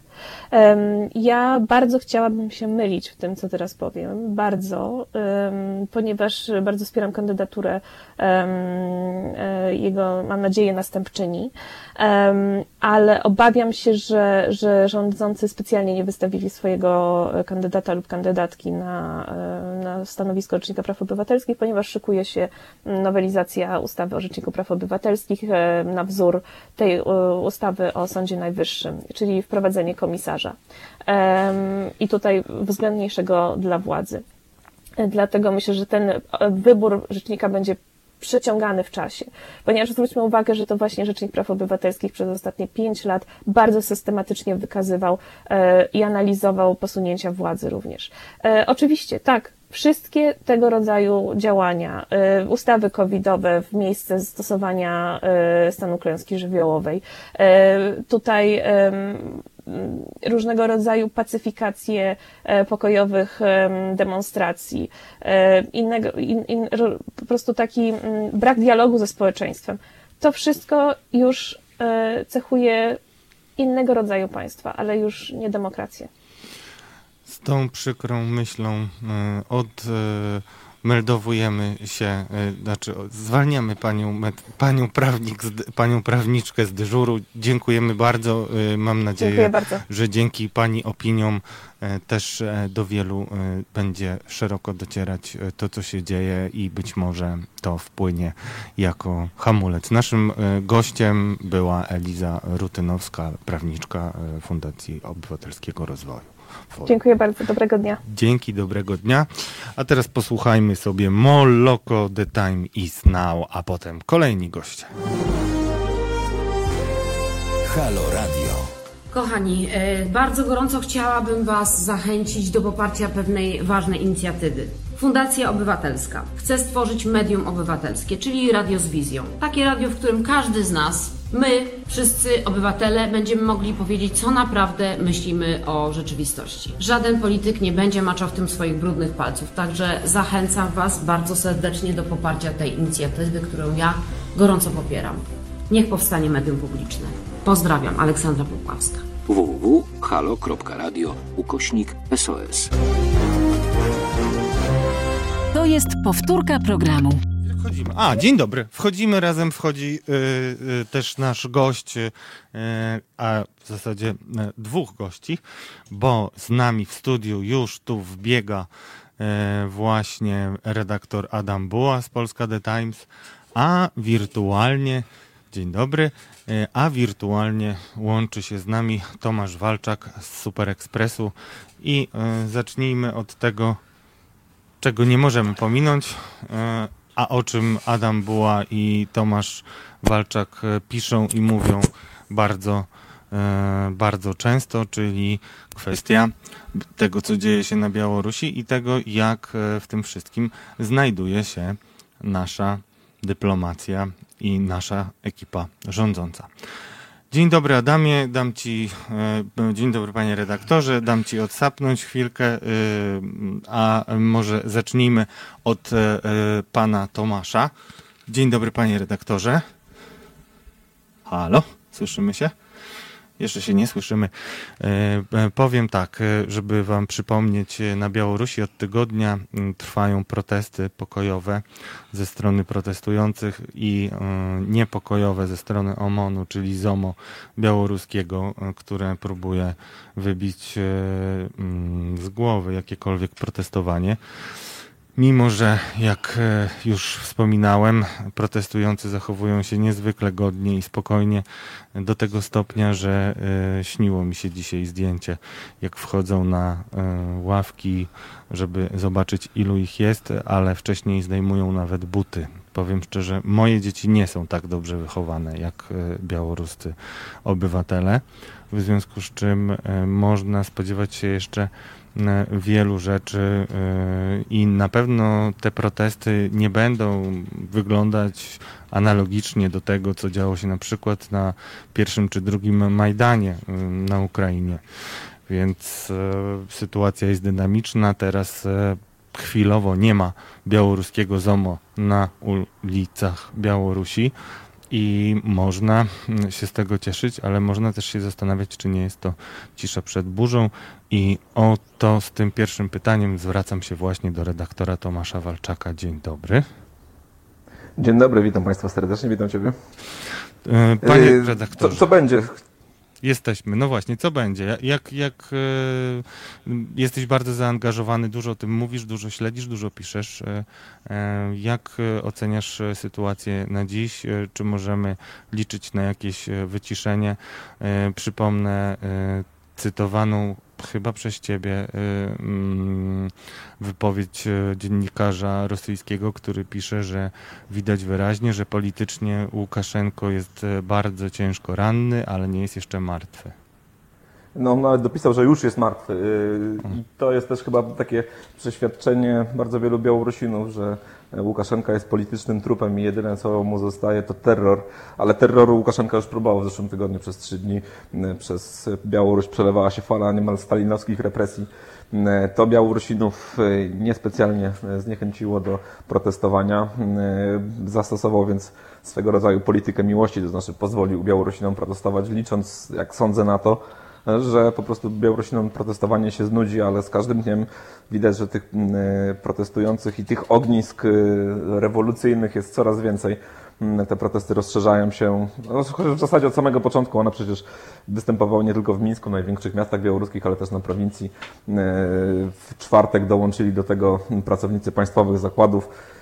Dzisiaj już dziesiątki czy nawet setki zakładów państwowych protestują przeciwko temu, co się na Białorusi dzieje. No i pytanie, jak w tym wszystkim zachowa się Aleksander Łukaszenka. Wczoraj próbował trochę wejść na boisko e, tego tłumu Białorusinów, wyjść na ulicę, pokazać swoją siłę, ściągnąć do Mińska e, swoich zwolenników, a raczej ludzi, którzy byli zmuszeni być jego zwolennikami, no bo to naganiano w zasadzie tych uczestników tego wiecu pro-Łukaszenkowskiego na Placu Niepodległości w Mińsku. No i Łukaszenka wygłosił płomienne, choć trochę nerwowo, E, wygłoszone przemówienie. Do, dobre retorycznie i e, dobre oratorsko, tylko że odwoływał się do emocji, które chyba już na Białorusi są e, udziałem bardzo niewielu osób, to znaczy do tego sentymentu za, stabiliz za, za stabilizacją tego lęku przez, przed destabilizacją. Wspominał ten początek lat 90., gdzie rzeczywiście na Białorusi był dosyć duży chaos i polityczny, i społeczny. Aleksander Łukaszenka E, lubi się przedstawiać jako człowieka, który zrobił na Białorusi porządek. E, straszył też e, NATO, odwołując się do kolejnego bardzo głęboko zakorzenionego w społeczeństwie białoruskim lęku przed wojną. Ale to nie działa dzisiaj. Widać to, że Białorusini nie tyle odczuwają lęk przed niepewnością jutra, co mają po prostu dosyć tej teraźniejszości łukaszenkowskiej. Tam jest ogromna mobilizacja społeczna. Każdy dzień przynosi jakby kolejnych ludzi, którzy chcą protestować i wygłaszać swój sprzeciw. Mam wrażenie, że takim punktem zwrotnym tego wszystkiego mm, e, była końcówka zeszłego tygodnia, kiedy odblokowano internet na Białorusi, e, kiedy masowo ludzie zaczęli oglądać to, co działo się na ulicach e, białoruskich miast, kiedy OMON z innymi służbami porządkowymi, takie nazwijmy, po prostu bezlitośnie pałował i bił protestujących pokojowo Białorusinów. Reżim zaczął wypuszczać z aresztów zatrzymanych tam. Okazało się, że dochodziło wręcz do, do, do terroru takiego stalinowskiego i do zamęczania tych, tych ludzi, którzy zostali zatrzymani. To też zrobiło ogromne wrażenie na Białorusinach. Bardzo wielu ludzi, którzy nie mieli do Łukaszenki jakichś większych pretensji, nie przeszkadzał im, bo żyli swoim życiem. Kiedy to zobaczyli, sami wyszli na ulicę, więc wydaje się, że jesteśmy w takim punkcie, gdzie trudno już o powrót do tego status quo ante, tym bardziej, że widać wyraźne pęknięcia e, w tym całym systemie łukaszenkowskim. E, one się zaczęły już w niedzielę, kiedy odmawiały posłuszeństwa komisje wyborcze, e, które nie chciały fałszować wyników wyborczych. Dzisiaj problem ma z nadawaniem pierwszy program państwowej telewizji. Najwyraźniej tam strajk, który rozpoczął się w sobotę, przybrał nowe formy i dziś powtórki programów lecą, bo nie ma, nie ma komu chyba nadawać po prostu na żywo. Tak więc pytanie, dokąd to wszystko zaprowadzi. No, dziś Aleksander Łukaszenka w zasadzie opiera się tylko na e, strukturach siłowych, ich wierności i wierności nomenklatury. I ta nomenklatura i te, te służby porządkowe, aparat represji e, mogą liczyć, że tylko z Łukaszenką mogą jakoś przetrwać całe to białoruskie lato, mm, ale być może poczują w pewnym momencie, że wiatr historii wieje przeciwko Aleksandrowi Łukaszenko i trzeba czas opuszczać ten pokład. Paru już urzędników odeszło e, z administracji Łukaszenki, paru urzędników e, stanęło po stronie protestujących, e, więc no, ciekawe to jest. No, oczywiście pytanie też jest takie, czy kolejną odpowiedzią i próbą jakiegoś uspokojenia sytuacji nie będzie kolejna fala represji. No wiemy, że w takich reżimach autorytarnych ten, ten terror jest trochę jak spirala, że ona się rozkręca, rozkręca, rozkręca. Gdzieś zawsze jest taki moment wyciszenia, a potem znowu z jeszcze z większą siłą one, one uderzają w społeczeństwo. Aleksander Łukaszenko, który jest swego rodzaju randym zwierzem, no jest bardzo niebezpieczny dla, dla własnego społeczeństwa i nie wiem, czy on rozumie, że chyba jego czas powoli albo nawet bardzo szybko mija. Jeszcze tydzień temu, kiedy zaczynały się te protesty, mm, kwestia odejścia Łukaszenki wydawała się absolutną fantastyką.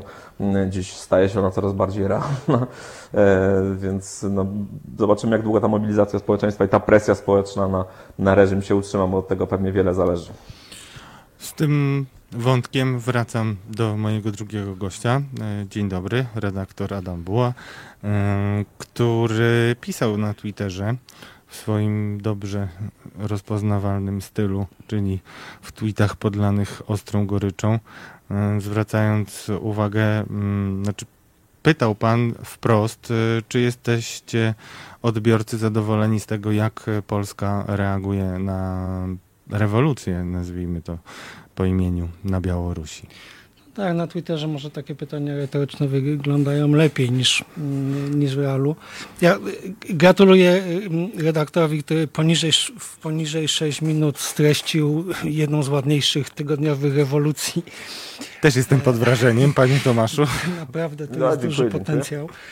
E, no ale tak, no, skoro już wiemy mniej więcej wszystko, co tam się dzieje, podkreślmy tylko, że to naprawdę że rysem, rysem y, tego protestu Białorusinów, na, na, na który ja patrzę, zresztą chyba nie tylko ja z prawdziwą zazdrością, że oni są tacy no fajni. Nie, nie, niektórzy używają słowa grzecznie, ale oni są po prostu fajni w tym, jak, jak protestują. To jest naprawdę y, y, serce rośnie. Wydaje mi się to tylko i słowo polemiki, że że ta fala druga terroru jest już mało prawdopodobna, że, że, że jakoś e, ulica Białoruska rzeczywiście chyba totalnie już przestała się bać, a przede wszystkim jest już tak zapełniona ludźmi, że nie bardzo sobie w tej chwili wyobrażam jakieś akcje pacyfikacyjne. Znaczy, jeśli mogę coś dodać, panie redaktorze, to tylko to rzeczywiście trudno mi sobie, mnie osobiście wyobrazić sytuację, że jakiś dowódca OMON-u e, czy wojska białoruskiego wyda rozkaz do strzelania do ludzi. No to rzeczywiście wydaje się, się niemożliwe, chociaż kto wie, jak bardzo zdegenerowana jest ta, ta grupa ludzi. I oddaję głos już panu redaktorowi.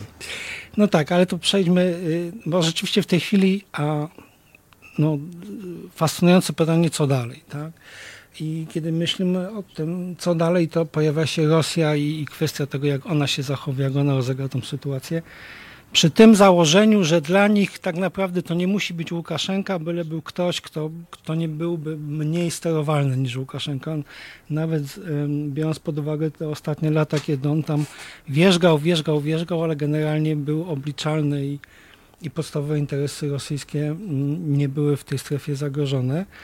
No i drugie pytanie, które rzeczywiście ja zadałem na Twitterze, znaczy jest, znaczy mnie to po prostu denerwuje. Ja nie wiem, czy ten prezydent nie może zejść z tego skutera na 15 minut i napisać, dać jedno oświadczenie, powiedzieć cokolwiek, pokazać się gdziekolwiek.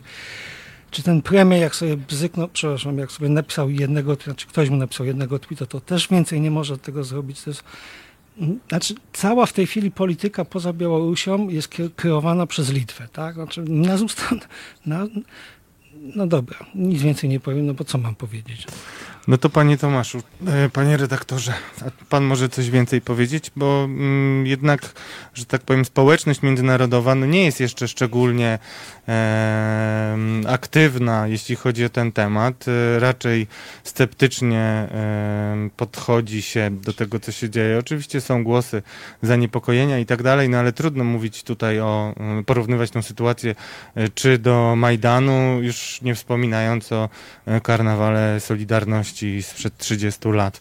Jak to, panie Tomaszu, e, oceniać? No, na razie to wygląda tak, że rzeczywiście ze strony Zachodu e, płyną głównie e, słowa moralnego wsparcia dla protestujących. I to jest dla nich bardzo ważne. Dla Białorusinów jest ważne to, że świat na nich patrzy, świat im kibicuje, świat nie, nie pozostaje o, zabrakło mi teraz słowa, przepraszam. Rosyjskie słowo mi bardziej podchodzi teraz niż... Ale nie pozostaje, nie pozostaje obojętny wobec, wobec tego, co się na Białorusi dzieje. Białorusini mają trochę, trochę poczucie, czy mieli, że są trochę zapomnianą prowincją świata. Dziś rzeczywiście wszystkie oczy są zwrócone na, na Białorusinów. Coraz więcej się o, o tym na Zachodzie pisze. Kolejne czołówki największych światowych mediów do, dostrzegają to, co się na Białorusi wydarzyło, zwłaszcza wczoraj kiedy według różnych ocen od 100 do pół miliona nawet y, mieszkańców Mińska wyszło na ulicę protestować przeciwko Łukaszence. Ale też bądźmy realistami, no nie za bardzo Zachód ma y, możliwość działania poza takim moralnym wsparciem. Y, mógłby oczywiście narzucić sankcje na tych, którzy są odpowiedzialni za to, co się dzisiaj na Białorusi wyprawia wobec zwykłych obywateli, ale doświadczenie uczy, że to niewiele zmienia. Aleksander Łukaszenka doskonale sobie radził w czasach, w czasach sankcji i niespecjalnie sobie coś, coś z tego robił. Pamiętajmy, że on ma jednak Rosję z drugiej strony, która może go wesprzeć. I to dzisiaj Rosja jest tak naprawdę głównym rozgrywającym. Ja, tak jak sobie to wyobrażam, są jakieś zakulisowe próby przekonania Rosjan, żeby się w to wszystko nie mieszali. Białorusini sami na protestach chodzą z transparentami, rozbierią sobie z Putina, to znaczy poradzimy sobie bez Putina i pewnie taki komunikat też idzie w stronę Kremla, żeby on to wszystko zostawił. Tym bardziej, że tak jak już wspomnieliśmy tutaj, rzeczywiście dla e, Putina Aleksander Łukaszenko nie jest celem samym sobie obrona jego reżimu. Chodzi o to, żeby Białoruś pozostała w strefie wpływów rosyjskich i ona pozostanie z bardzo różnych względów politycznych, militarnych, ideologicznych. Ten żelazny uścisk, który zacisnął się naszej e, Białorusi, raczej nie zostanie odpuszczony. I może, jeżeli już Rosja będzie się jakoś angażować, to myślę, że zakulisowo i swego rodzaju nomenklaturowe rozwiązanie może się dokonać, to znaczy te ogromne wpływy, które ma w nomenklaturze e, Rosja, będzie się starała wykorzystać, kiedy zrozumie, że e, Aleksander Łukaszenko nie jest do utrzymania już, a sytuacja zmierza ku kolorowej rewolucji, czego najbardziej się chyba e, Rosjanie boją. Ale też Aleksander, Władimir Putin, chcąc nie chcąc, musi się liczyć też z nastrojami społecznymi na Białorusi. Mm, no bo te nastroje są dzisiaj bardzo antyłukaszenkowskie mm, i trudno, żeby otwarcie wspierał reżim, którego tak bardzo nie lubią mm, Białorusini, a który chciałby utrzymać przy sobie. Białorusini, co warto podkreślić, w przeciwieństwie do Ukraińców, nie są antyrosyjscy. Oni raczej z sympatią na Rosjan patrzą, nie patrzą na nich jak na wrogów. I to też rozumie Władimir Putin, ale też rozumie jedną rzecz, kiedy w zeszłym roku były próby zbudowania tak zwanej pogłębionej integracji, która de facto oznaczała bardzo drastyczne ograniczenie suwerenności Białorusi, przed czym bronił się Aleksander Łukaszenka. Były prowadzone badania opinii publicznej, w których tylko 7% Białorusinów uznało, że dobrze by im było jako część Rosji, 25% Białorusinów uznało, że chciałoby tej pogłębionej integracji z Białorusią, a cała reszta Białorusinów chce po prostu partnerskich relacji z Rosją. I tych e, nastrojów społecznych na pewno nie może lekceważyć e, Władimir Putin w swoich rozgrywkach na Białorusi. E, więc podejrzewam, że mm, gdzieś tam pod Moskwą już pewnie jakiś następca ewentualnie jest. Gdzieś z tej nomenklatury ten następca może się wyłonić. Adam Eberhardt, szef Ośrodka Studiów Wschodnich, zwraca uwagę, że mm, ewentualny następca no, Aleksandra Łukaszenki, jeśli ten, co prawdopodobne, ale nieprzesądzone e, odda władzę, e, będzie musiał być e, kimś, kto połączy interesy trzech grup, to znaczy Kremla, protestujących i nomenklatury. On zwraca uwagę, że taką osobą może być Wiktor Babaryka, to jest kandydat na prezydenta, były prezes Bielgazprom Banka, jeśli dobrze pamiętam tę nazwę, czyli takiego białoruskiej filii powiązanej z Gazpromem instytucji bankowej. Mm, e, I on uznawany jest trochę za coś takiego człowieka, którego mogłaby przełknąć Rosja. Mm, e, I Białorusini bardzo, bardzo mi się spodobał ten Babaryka. On był pierwszym wyborem dla bardzo wielu Białorusinów niezadowolonych z Łukaszenki. Dopiero potem, kiedy został aresztowany, kiedy został Cichanowski aresztowany i jego żona stała się kandydatką, kiedy te sztaby się połączyły, e, tych wszystkich, prawie wszystkich kandydatów opozycyjnych. Dopiero wtedy jakby przerzucili swoje sympatie na Cichanowską.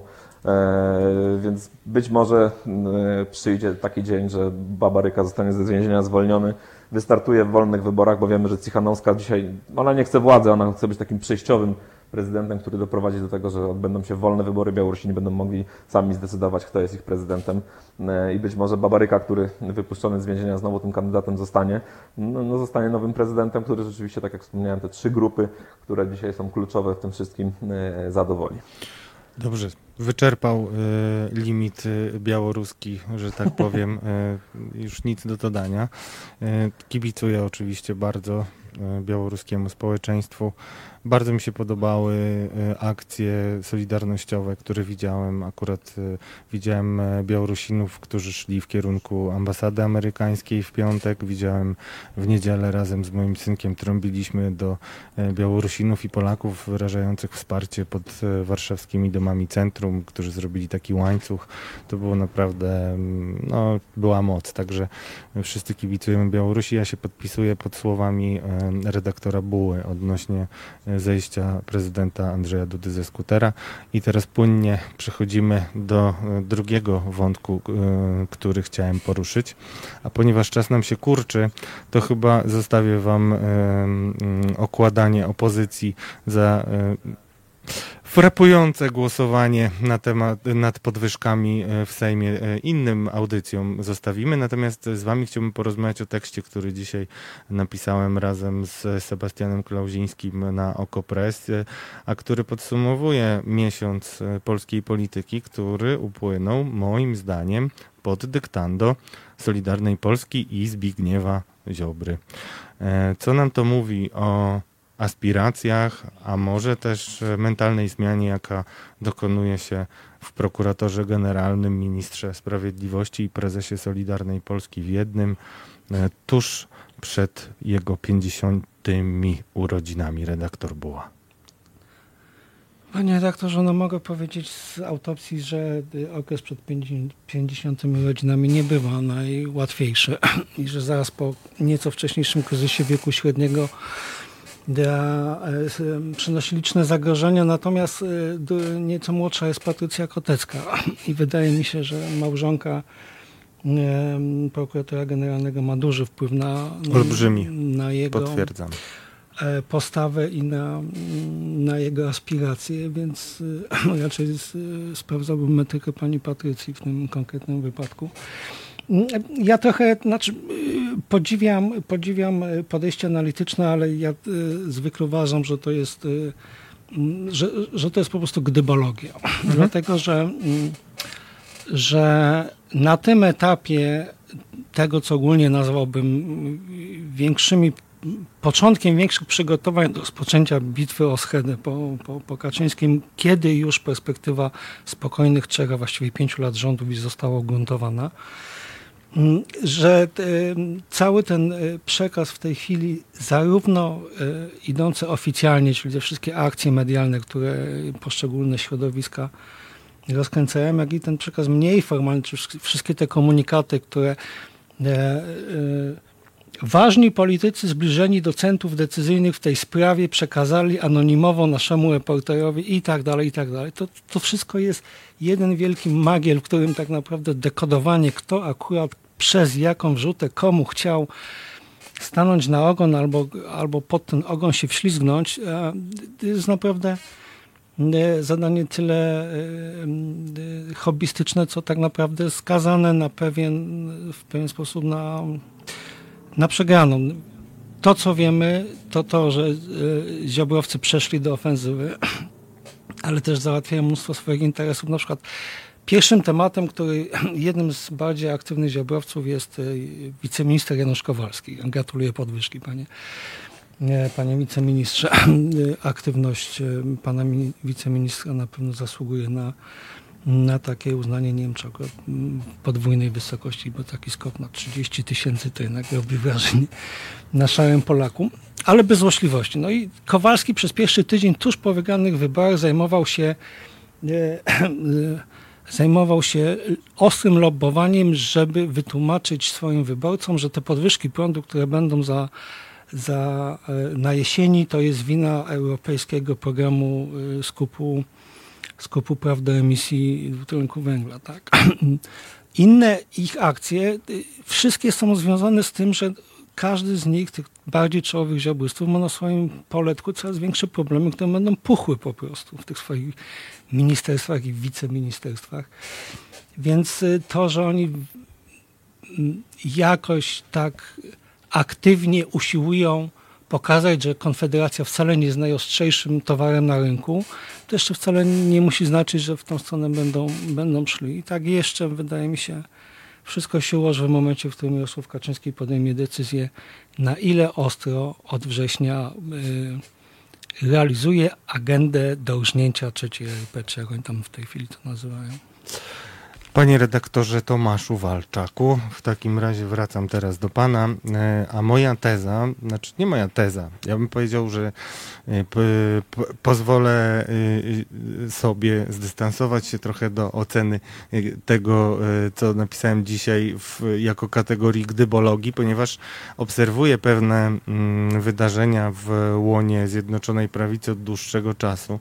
No i mm, wychodzi mi, jakby na to nie patrzeć, że Zbigniew Ziobro już nie tyle myśli o zastąpieniu Konfederacji, czy pokazaniu się, że jest twardszą prawicą i nie tyle myśli o jakiejś e, pozycji, która da mu możliwość e, sięgnięcia po prezesurę PiS, co w związku z tym, że przeprowadzono kampanię bez jakichkolwiek zwrotów do centrum, bez umizgów na twardej retoryce e, anty-LGBT i tak dalej, i tak dalej, wiemy dokładnie, widzimy na ulicach, e, no on już ma aspiracje, żeby po prostu jako Solidarna Polska zastąpić Prawo i Sprawiedliwość. I teraz pytanie, czy jego intuicja, wsparta też bardzo, bardzo dobrymi spin doktorami, jest mm, słuszna. Tego ani moi rozmówcy, ani myślę nawet wróżki nie wiedzą, a, a co o tym wszystkim myśli redaktor Tomasz Walczak. Na pewno tak. Nie da się ukryć, że Zbigniew Ziobro po wyborach parlamentarnych poczuł swoją siłę. Mm, stał się rzeczywiście już nie jakąś przystawką, tylko koalicjantem, który stara się podkreślić swoją podmiotowość. Redaktor Buła zwrócił uwagę, że mm, e, ściga się na radykalizm e, z Konfederacją. Rzeczywiście zaraz po wyborach można było zauważyć, że mm, chce gdzieś to miejsce pod prawą ścianą, która się trochę zwolniła, którą zwolniło Prawo i Sprawiedliwość, chce się tam rozpychać. E, on zaczął bardzo silnie rozbudowywać struktury Solidarnej Polski zaraz po wyborach. E, wiemy, że w terenie bardzo usilnie starał się i udawało mu się to przekonać bardzo wielu działaczy PiSu, żeby po jego stronie stanęli. Więc rzeczywiście zbroi się Zbigniew Ziobro. On od wyborów jeszcze bardziej niż zwykle narzuca agendę rzeczywiście Prawo i Sprawiedliwości. Mm, ściąga na, na bardzo radykalne tory Prawo i Sprawiedliwość, na co mu najwyraźniej pozwalają wszyscy dookoła. Nie wiem, czy oni są zbyt zajęci wewnętrznymi tutaj układ, wewnętrznym układaniem się między sobą i nie mają czasu przypilnować tego, co robi Zbigniew Ziobro, czy rzeczywiście uważają, że ten radykalizm im służy. Mm, wydaje się, że pójście w taki radykalizm, jaki idzie dzisiaj Solidarna Polska, to znaczy to silne podkreślanie kwestii światopoglądowych, mm, rewolucja prawicowa, mm, którą głosi Zbigniew Ziobro, no to jednak nie jest y, agenda, która by sprawiała, że Solidarna Polska mogłaby się stać w wypadku jakiegoś tąpnięcia w łonie Zjednoczonej Prawicy i tąpnięcia wokół PiS, mogłaby się stać siłą porównywalną z Prawem i Sprawiedliwością. To jest jednak jakieś rozpychanie się na 7-8% i szukanie, być może 10 nawet, szukanie swojego miejsca na scenie politycznej trwałej trwałego miejsca na scenie politycznej, właśnie w tym radykalnym i radykalizującym się mm, prawicowym elektoracie. Mm, no bo trudno mi sobie wyobrazić, że akurat Zbigniew Ziobro i ta Solidarna Jego Polska, mm, która nie ma pomysłów na nic innego niż właśnie nakręcanie tej wojny kulturowej, mogłaby się jakoś na tej scenie politycznej odnaleźć. No przecież, żeby stworzyć partię, która aspiruje do, do władzy, czy partię, która może osiągać duże wyniki w wyborach, no to trzeba jednak mieć zniuansowany przekaz. O, to sekundę? Polska się go nie ma. Ja nie wiem, czy odnajdą w sobie siłę, żeby taki przekaz znaleźć. Właśnie. Pa... właśnie. to jest pytanie, pa... ale tutaj redaktor Buła się zgłasza jeszcze do adwocem, rozumiem też wypowiedzi. Zgłaszam się adwocem, bo akurat są dwie kwestie, które nie do końca są gdybologiem. Według mnie jestem przekonany, że nie ma żadnych aspiracji na Solidarną Polskę jako niepodległy byt, tylko na Solidarną Polskę, która być może przyjmuje sterowalność w PiSie i o to idzie walka. Oni już byli poza PiSem, już się nauczyli, już z Kurskim przeszli tą drogę powrotu. Oni już tego drugi raz nie zrobią, bo no po prostu nie są aż tak naiwni, nie będą nawet jeżeli ktoś z nich kiedykolwiek zająknie się, że oni chcą, że wystartują i pójdą, to jest po prostu, to od razu państwa uprzedzam, że po prostu łże jak pies i oni wszyscy doskonale wiedzą, że poza pisem ich nie ma i za chwilę nie będzie i, i ten cały, z całym szacunkiem, suweren po prostu nie ma pojęcia, co to jest Solidarna Polska i tego pojęcia nie da się tam wykreować przynajmniej za środki, które oni dysponują.